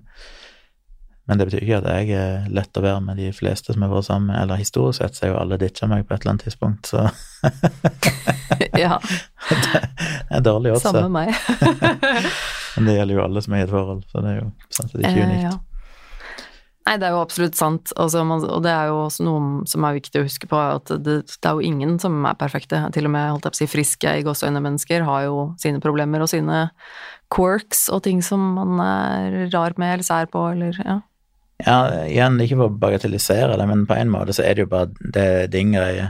Andre ville hatt sin greie. Ja. Selv om ikke det kanskje var klinisk Eller hva heter det? Mental helse, nei, problemer, psykisk helse Jeg husker aldri hva begrepet Psykisk lidelse. Ja. Ja. Så det, det viktigste oppi alt er jo er jo hvem du er som person, Mm. som er liksom er jo det som er interessant. Det med at du er kul, og du er liksom open-minded, og du er talentfull, og Alle Ja. egenskapene er jo det som jeg Det er jo det som er det viktige. ja. Men det er jo veldig lett å liksom bli litt eh, tapt i det å være en syk person. Det er liksom det å At til slutt så føler du deg bare som at jeg At det er det som definerer meg. At det er diagnosene mine. Jeg er bare At jeg er syk. Det er en sykdom. Jeg må jo minne meg selv på det òg, stadig. At jeg er ikke bare deprimert, jeg er ikke bare spiseforstyrra, jeg er ikke bare personlighetsforstyrra. Jeg er ikke bare full av angst. Jeg har også andre ting som ikke har noen ting med det å gjøre, som er meg, da. At jeg er så mye mer enn det. Det er vanskelig, da. Og spesielt når du sitter i en sånn i en sånn prosess som det jeg er og har gått gjennom med, med behandling, og det, for det blir det, det fokuset. Det fokuset på sykdom og behandling og alt det man går igjennom, alt det man tenker på og føler og sånn, det, det fokuset der, det, det blir til tider sikkert litt for intenst, og da er det veldig lett også å glemme at man faktisk er mer enn det, da. Ja. Det håper jeg jo folk ser. For det er jo veldig Jeg tror folk ser det mye mer enn det kanskje du tenker. At, igjen fordi at Ja. folk ofte bryr seg mindre enn det du sjøl tror de bryr seg. Eh, Folk er jo ikke så opptatt av andre, egentlig. Ja. Ja, hvis en prøver å tenke på Jeg syns jo alltid det er nyttig å bare Når jeg tenker på meg sjøl, så er det alltid å tenke ok, men hva er det jeg tenker om andre mennesker? Jeg oppdager jo at oi, jeg tenker jo sånn og sånn, og da tenker sikkert andre sånn om meg. ja. Men det er sånn som med deg, da, alle folk, jeg vet jo at du beundrer jo mange andre som i offentligheten har vært åpne om sine psykiske problemer. Ja. Men du ser jo ikke de som bare sykdom. Du beundrer de jo. Du syns de er kule, du syns de er flinke, du syns ditten og datten. Mm. Og jeg vet jo at du har snakka om det før, at du er så redd for gjennom podkasten og videoer at folk skal bare se på deg som liksom en, en klump med sykdom. ja. Men jeg tror jo ikke folk gjør det. Og det ser en jo litt på de tilbakemeldingene du får og sånn òg, at ja, du snakker åpent om det, men jeg tror de aller, aller fleste, når de tenker på deg, så iallfall de som har møtt deg og kjenner deg, de tenker jo på ingen selvs måte først og fremst at eh, «Oi, der, hun der er sjuk. De, det folk bryr seg om, er jo om de liker deg, om du er snill, om du, de får ja, om du er liksom morsom eller snill eller smart eller interessant eller Mm. Det til syvende og sist det folk husker og bryr seg om. Mm. Og det, det betyr ikke at ikke de er klar over det, sikkert at de tenker over det òg, men, men det er jo ikke det som definerer deg til syvende og sist, selv om jeg tror du i stor grad er redd for det, og kanskje føler at det er sånn folk ser på deg. At du av og til var redd for at enkelte folk skal høre på podkasten og sånn, for da vil de sikkert bare tenke på deg sånn og sånn, og du vil ikke at de skal dømme deg ut ifra det, du vil at de heller skal se deg, men det tror jeg folk, folk ser deg uansett. ja, gjør de det? Ja, det tror jeg. Ja. Folk er uansett hva Uansett hvor skuffa vi blir av mennesker hele tida, så er mennesker ganske flinke til å å se deg i beste mening. Ellers Ja. hadde ikke jeg overlevd. Jeg mener, jeg har jo sagt så mye dumt og dritt og gjort mye teite ting, men heldigvis så har folk en tendens til å henge seg opp i at du iallfall prøver å gjøre noe bra. Ja, jeg blir jo stadig liksom positivt overrasket, da, fordi at eh, det, det må jeg jo si, fordi jeg har jo ofte jeg, Hvis jeg begynner å snakke med noen, da, et nytt menneske liksom, som ikke kjenner meg, eh, og som ikke vet hva jeg driver med, eh, så kan jeg ofte bli litt sånn eh, tilbakeholden på å fortelle om podkasten, for eksempel, fordi at jeg er veldig redd for at de liksom skal sjekke ut den, og så kommer de bare til å se på meg som en sånn syk eh, syk person. At da er det liksom bare det som er tydelig. Altså jeg, og jeg og det syns jeg jo er litt synd, da, for jeg er jo på mange måter veldig stolt av den podkasten her, og det er jo en grunn til at jeg driver med det, og jeg syns det jeg gjør med det her, er på en måte utgangspunktet viktig, da, og det er et viktig tema å snakke om og sånn, og det mener jeg jo. Men på mange måter også kjenner jeg jo fortsatt veldig på den der skammen, da. Den der skammen med å være syk, å være psykisk syk, og den, det stigmaet som henger med det, og de fordommene man ofte får og sånn. Og jeg kjenner nok fortsatt ganske mye på det, at liksom jeg At det kvier meg litt for at folk skal vite det òg. For jeg er jo veldig redd for at folk skal dømme meg og tenke sånn Å, herregud, hun er helt sjuk, liksom. Ja, noen folk vil jo det. Det kommer en ikke utenom. Men Ja. til syvende og sist er det jo kanskje ikke de folkene en ønsker å ha så mye med å gjøre uansett. Nei, det Så det er jo et slags naturlig filter i det òg. Ja. Det er jo litt sånn som med deg òg, da, det at du har hørt så mye av dialogisk før vi ble kjent, og allikevel hadde lyst til å bli kjent med meg. det er den beste indikatoren jeg data tidligere sånn òg. Det er hvis jeg matcher noen på Tinder eller sånn, og de etter hvert sier ja, forresten, jeg har lest bloggen din, og Ja. Jeg tenker å shit, jeg leser bloggen min, og de er fortsatt interessert i å bli kjent. ja. Da er det kanskje en person jeg har lyst til å bli kjent med, ikke fordi at vi er nødt til å være enige om alt, eller sånt, men da er de iallfall open-minded nok til at de syns liksom her er det et eller annet interessant, og ja. ikke dømmer meg nord og ned på grunn av noe de har lest. Men det er jo sånn jeg også har tenkt med de, de få da, som jeg har snakka med, spesielt liksom det siste året, og sånn, eller typ matcha med på Tinder, eller et eller annet sånt noe, uh, som i utgangspunktet ikke vet hvem jeg er, og som da har sjekka ut podkasten min og visst hvem jeg er, og så vil de likevel liksom fortsette å snakke med meg, så blir det sånn å jøss, ok, du ble, ok, du ble ikke skremt bort av det, nei, ok, ja, men da så. da blir jo alltid litt sånn positivt overraska, sånn sett. Det er jo bra det, at folk At jeg tar feil, da. At folk kanskje er mindre fordomsfulle, eller at de blir ikke så lett skremt som det jeg tror. Det er jo en god ting, for så vidt. Ja, og det tror jeg er veldig viktig at du minner deg sjøl på, ikke bare med sånne folk i periferien, men òg det som er venner, for det er jo en evig diskusjonstema meg og deg eller ikke diskusjon, men samtaletema, det at eh, du føler at du ikke er noen venner, men jeg tror det er jo litt sånn du er flere venner enn du klarer å se sjøl. Det er en del der ute som bryr seg om deg, det er du blir invitert på ting, det er folk som vil komme og treffe deg, og som liker deg, og, men jeg tror det er veldig høy terskel før du ser at ok, du har jo faktisk venner. Dette er jo faktisk folk som bryr seg om deg. Ja. Men det har nok noe med meg å gjøre, og i forhold til at jeg Min terskel for å føle at jeg ha, altså er venn med noen, er ganske høy, da. Eller, eller på, altså ikke at jeg har så høy terskel for å like noen og sånn, det er ikke det, men og jeg har mange bekjente som jeg tenker at som jeg kunne ansett som en venn, liksom. Men det er noe med at jeg ikke så lett Jeg har ikke så lett for å ha sånn ordentlig tillit til folk. Sånn og føle meg trygg på mennesker. Sånn at jeg, Så jeg har på en måte jeg, jeg tenker nå at jeg har mange bekjente, men eh, jeg har veldig få som jeg vil tenke på som er venner, som jeg ville på en måte kunne ringt hvis jeg har det vanskelig. Da har jeg kanskje to toppen, liksom. Og det er liksom Nei, vil, nei vil egentlig Ja, én, kanskje. Utenom deg. Så det er på en måte Det syns jeg Det er på en måte kanskje litt sånn jeg Ja, for tenker du er den eneste som glemmer vekk meg i det regnestykket. Nei. Nei, altså, jeg vet det, men, men sånn helt seriøst er det jo en som snakker om at det er ingen som orker å være med deg, og så glemmer du at hei, what about me? Jeg har valgt å bo med deg og være med deg hele tida. Ja. Det er ikke sant, det er ingen som liker deg. Nei, det er sant. Jeg skal ikke Og det er ikke noe bagatell. Det er helt sant. Det er jo helt eh, det er mirakuløst at du orker å være så mye sammen med meg som det du gjør. Det er jo alt en trenger i livet, det er iallfall at én person gidder. Da må en egentlig se på det som en seier. Ja. ja, men det Skal ikke ta så lett på det. Er det noe Er det noe jeg har glemt? Som jeg egentlig burde nevne, som har skjedd, eller som burde tas opp i, når vi snakker om dette året? Nei, en måte Oi.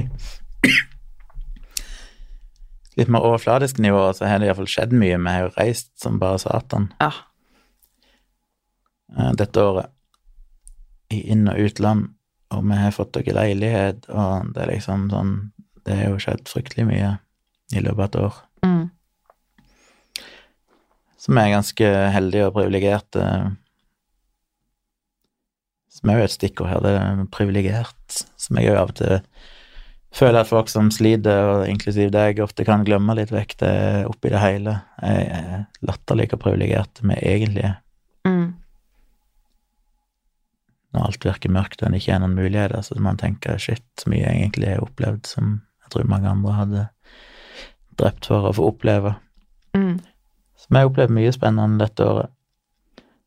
Og jeg tror vi må roe ned litt nå, en periode. Ja, det har blitt mye reising, altså. Jeg har lyst til å ha noen helger der faktisk ikke er noen planer. Ja, det er- kjenner jeg på, jeg òg. Spesielt nå når det begynner å nærme seg jul. Og jul er for meg ganske sånn ja, ambivalent. Jeg syns ikke det er bare koselig akkurat med jul. Eh, og det er ofte veldig stress. Og jeg føler at i år så skal vi ha minst mulig stress med jul. Ja. Um, og det er litt deilig nå å kjenne at vi ikke skal reise bort eller få masse besøk eller øh, ting som skjer nå med det første. Uh, selv om jeg syns det har vært kjempegøy og fantastisk å oppleve ting og reise rundt og se ting sammen med deg, så er det veldig deilig nå å bare kunne slappe av litt. Hvor det ikke skjer noe. Jeg tenker at Jeg vet ikke om dette her var en god oppsummering av det siste året, men det er i hvert fall noe nærheten. Og så Ja, vi får ta en ny oppsummering om et år. Se hva som skjedde. Om alt har gått til helvete. Ja, det kan hende. Det vet man ikke. Men um, Nei, jeg hadde liksom lyst til å i hvert fall markere det på et eller annet vis. Det at det faktisk er gått et år siden jeg starta med dette. Og det er jo veldig gøy. Jeg har lyst til å fortsette med det. Jeg håper jeg får fortsette med det, kan fortsette med det. Jeg håper det blir bedre også. Det Jeg vil jo alltid strebe etter å bli bedre. Men jeg må jo også nevne på slutten da at eh, jeg gjerne vil at folk skal sjekke ut bildene dine, for du driver jo med og er litt sånn fotograf. Så jeg skal linke til eh, nettsiden din i shownotes, sivpix.foto. Eh, For du tar utrolig fine bilder. Sjekk også Instagrammen til Gunnar. Så kan du se bildene dine. Jeg skal linke til det også. Og så har Jeg du håper folk sjekker ut websida heller enn Instagram.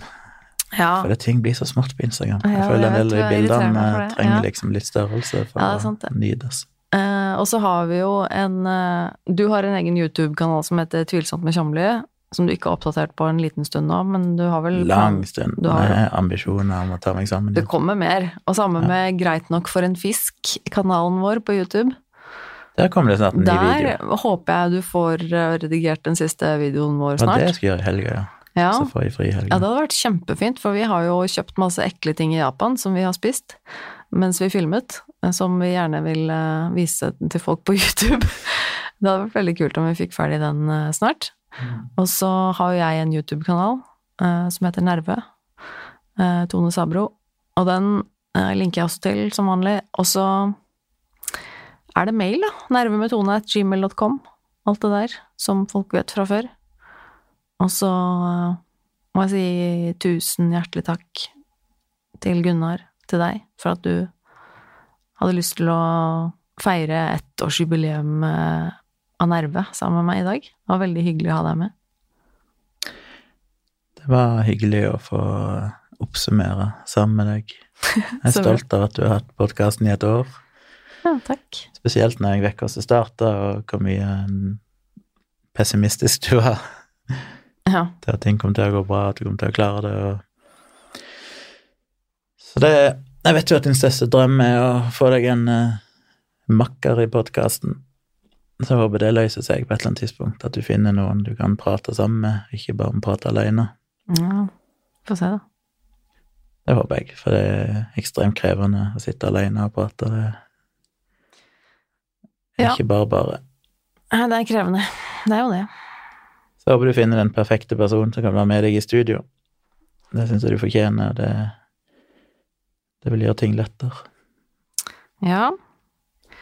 Ehm, men ja, takk. Det var hyggelig, hyggelig sagt. Sjekk ut Dialogisk hvis ikke du har hørt på det. Ja, men alle lytterne mine til dialog, hører på dialogisk, det er jeg sikker på. Og jeg har snakka så mye om dialogisk i denne podkasten her òg. Ja, men det håper jeg folk gjør. Um, selvfølgelig. Og så er vel jeg eh, tilbake Og siden det snart er jul, så må jeg jo reklamere for at hvis det er noen som liker bildene mine, mm, så er jeg veldig lyst til å Perfekt julegave. Selge noen av de som Ja. er flotte, fine utskrifter på fint papir som kan rammes inn og henges på veggen. Vi har gjort det sjøl. Jeg printer Ja. et par bilder i bursdagsgaven din, Mm, som kjempefin. jeg syns ble veldig kult. Det får jo en helt egen kvalitet når du får printa det Ja, absolutt. profesjonelt av folk som kan det. Så det har jeg lyst til. Hvis noen syns det er fine bilder, så send meg en melding eller mail, eller kontakt meg på et eller annet vis, og så kan vi jo prøve å få skippa det av gårde så fort som mulig. Du har jo også et par bøker som er til salgs.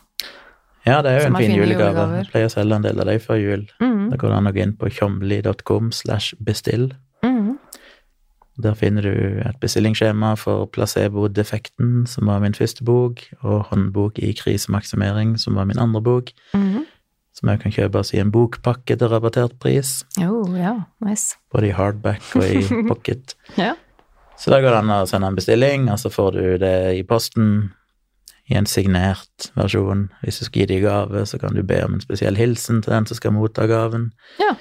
og så videre. Så det er en fin gave å gi. Ja, det er det. Det fikk jo familien min fikk jo bøkene dine i, i julegave i fjor, faktisk. Og I år skal vi quize dem for å sjekke om de lest dem. Eh, Nei, vi skal ikke feire jul med familien min i år, I kapitlet det om sånn, så skriver jeg sånn og sånn. Hva var Ja. Åh, hva het personen som Ja. Å, det hadde vært så gøy. Nei da, det, det skal de få slippe. Um, men um, jeg er vel tilbake, tenker jeg, om en ukes tid. Eh, da blir det ikke noe jubileumsepisode, så blir det bare en vanlig, kjedelig episode. Det blir starten på et nytt år. Ja. Men uh, må nesten eh, som vanlig takke til alle som hører på podkasten min og laster den ned og sånn. Det er kjempekult. Jeg setter veldig stor pris på det. Og så Og jeg syns at dere må dele podkasten til Tone ja. enda mer enn det dere gjør. Ja. Og gå inn på iTunes og gi henne ratings, for Ja. det betyr jo en del. Om ikke annet så for selvfølelsen. ja. Så lik og del og rate, og vær raus med tilbakemeldinger. Ja. Det det trengs, for det er en tung materie, tung jobb å drive med podkast og sånne ting. En trenger litt positiv feedback, og det vet jeg mange er flinke til å gi, men det kan alltid bli mer. Ja. ja det setter stor pris på det. Så vi høres eh, igjen om en uke. Eh, nå skal eh, jeg og Gunnar stikke hjem. Han skal jobbe, jeg skal slenge meg på sofaen. Så Ja. ja, det blir fint. Men eh, takk for i dag, da. Og så høres vi snart. Yes. Ha det. Ha det.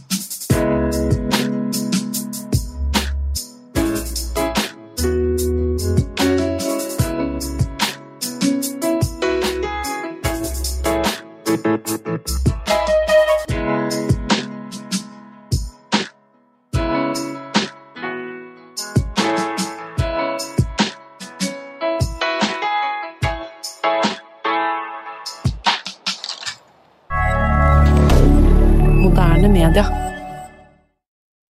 Har du et enkeltpersonforetak eller en liten bedrift? Da er du sikkert lei av å høre meg snakke om hvor enkelt det er med kvitteringer og bilag i fiken, så vi eh, gir oss her, vi.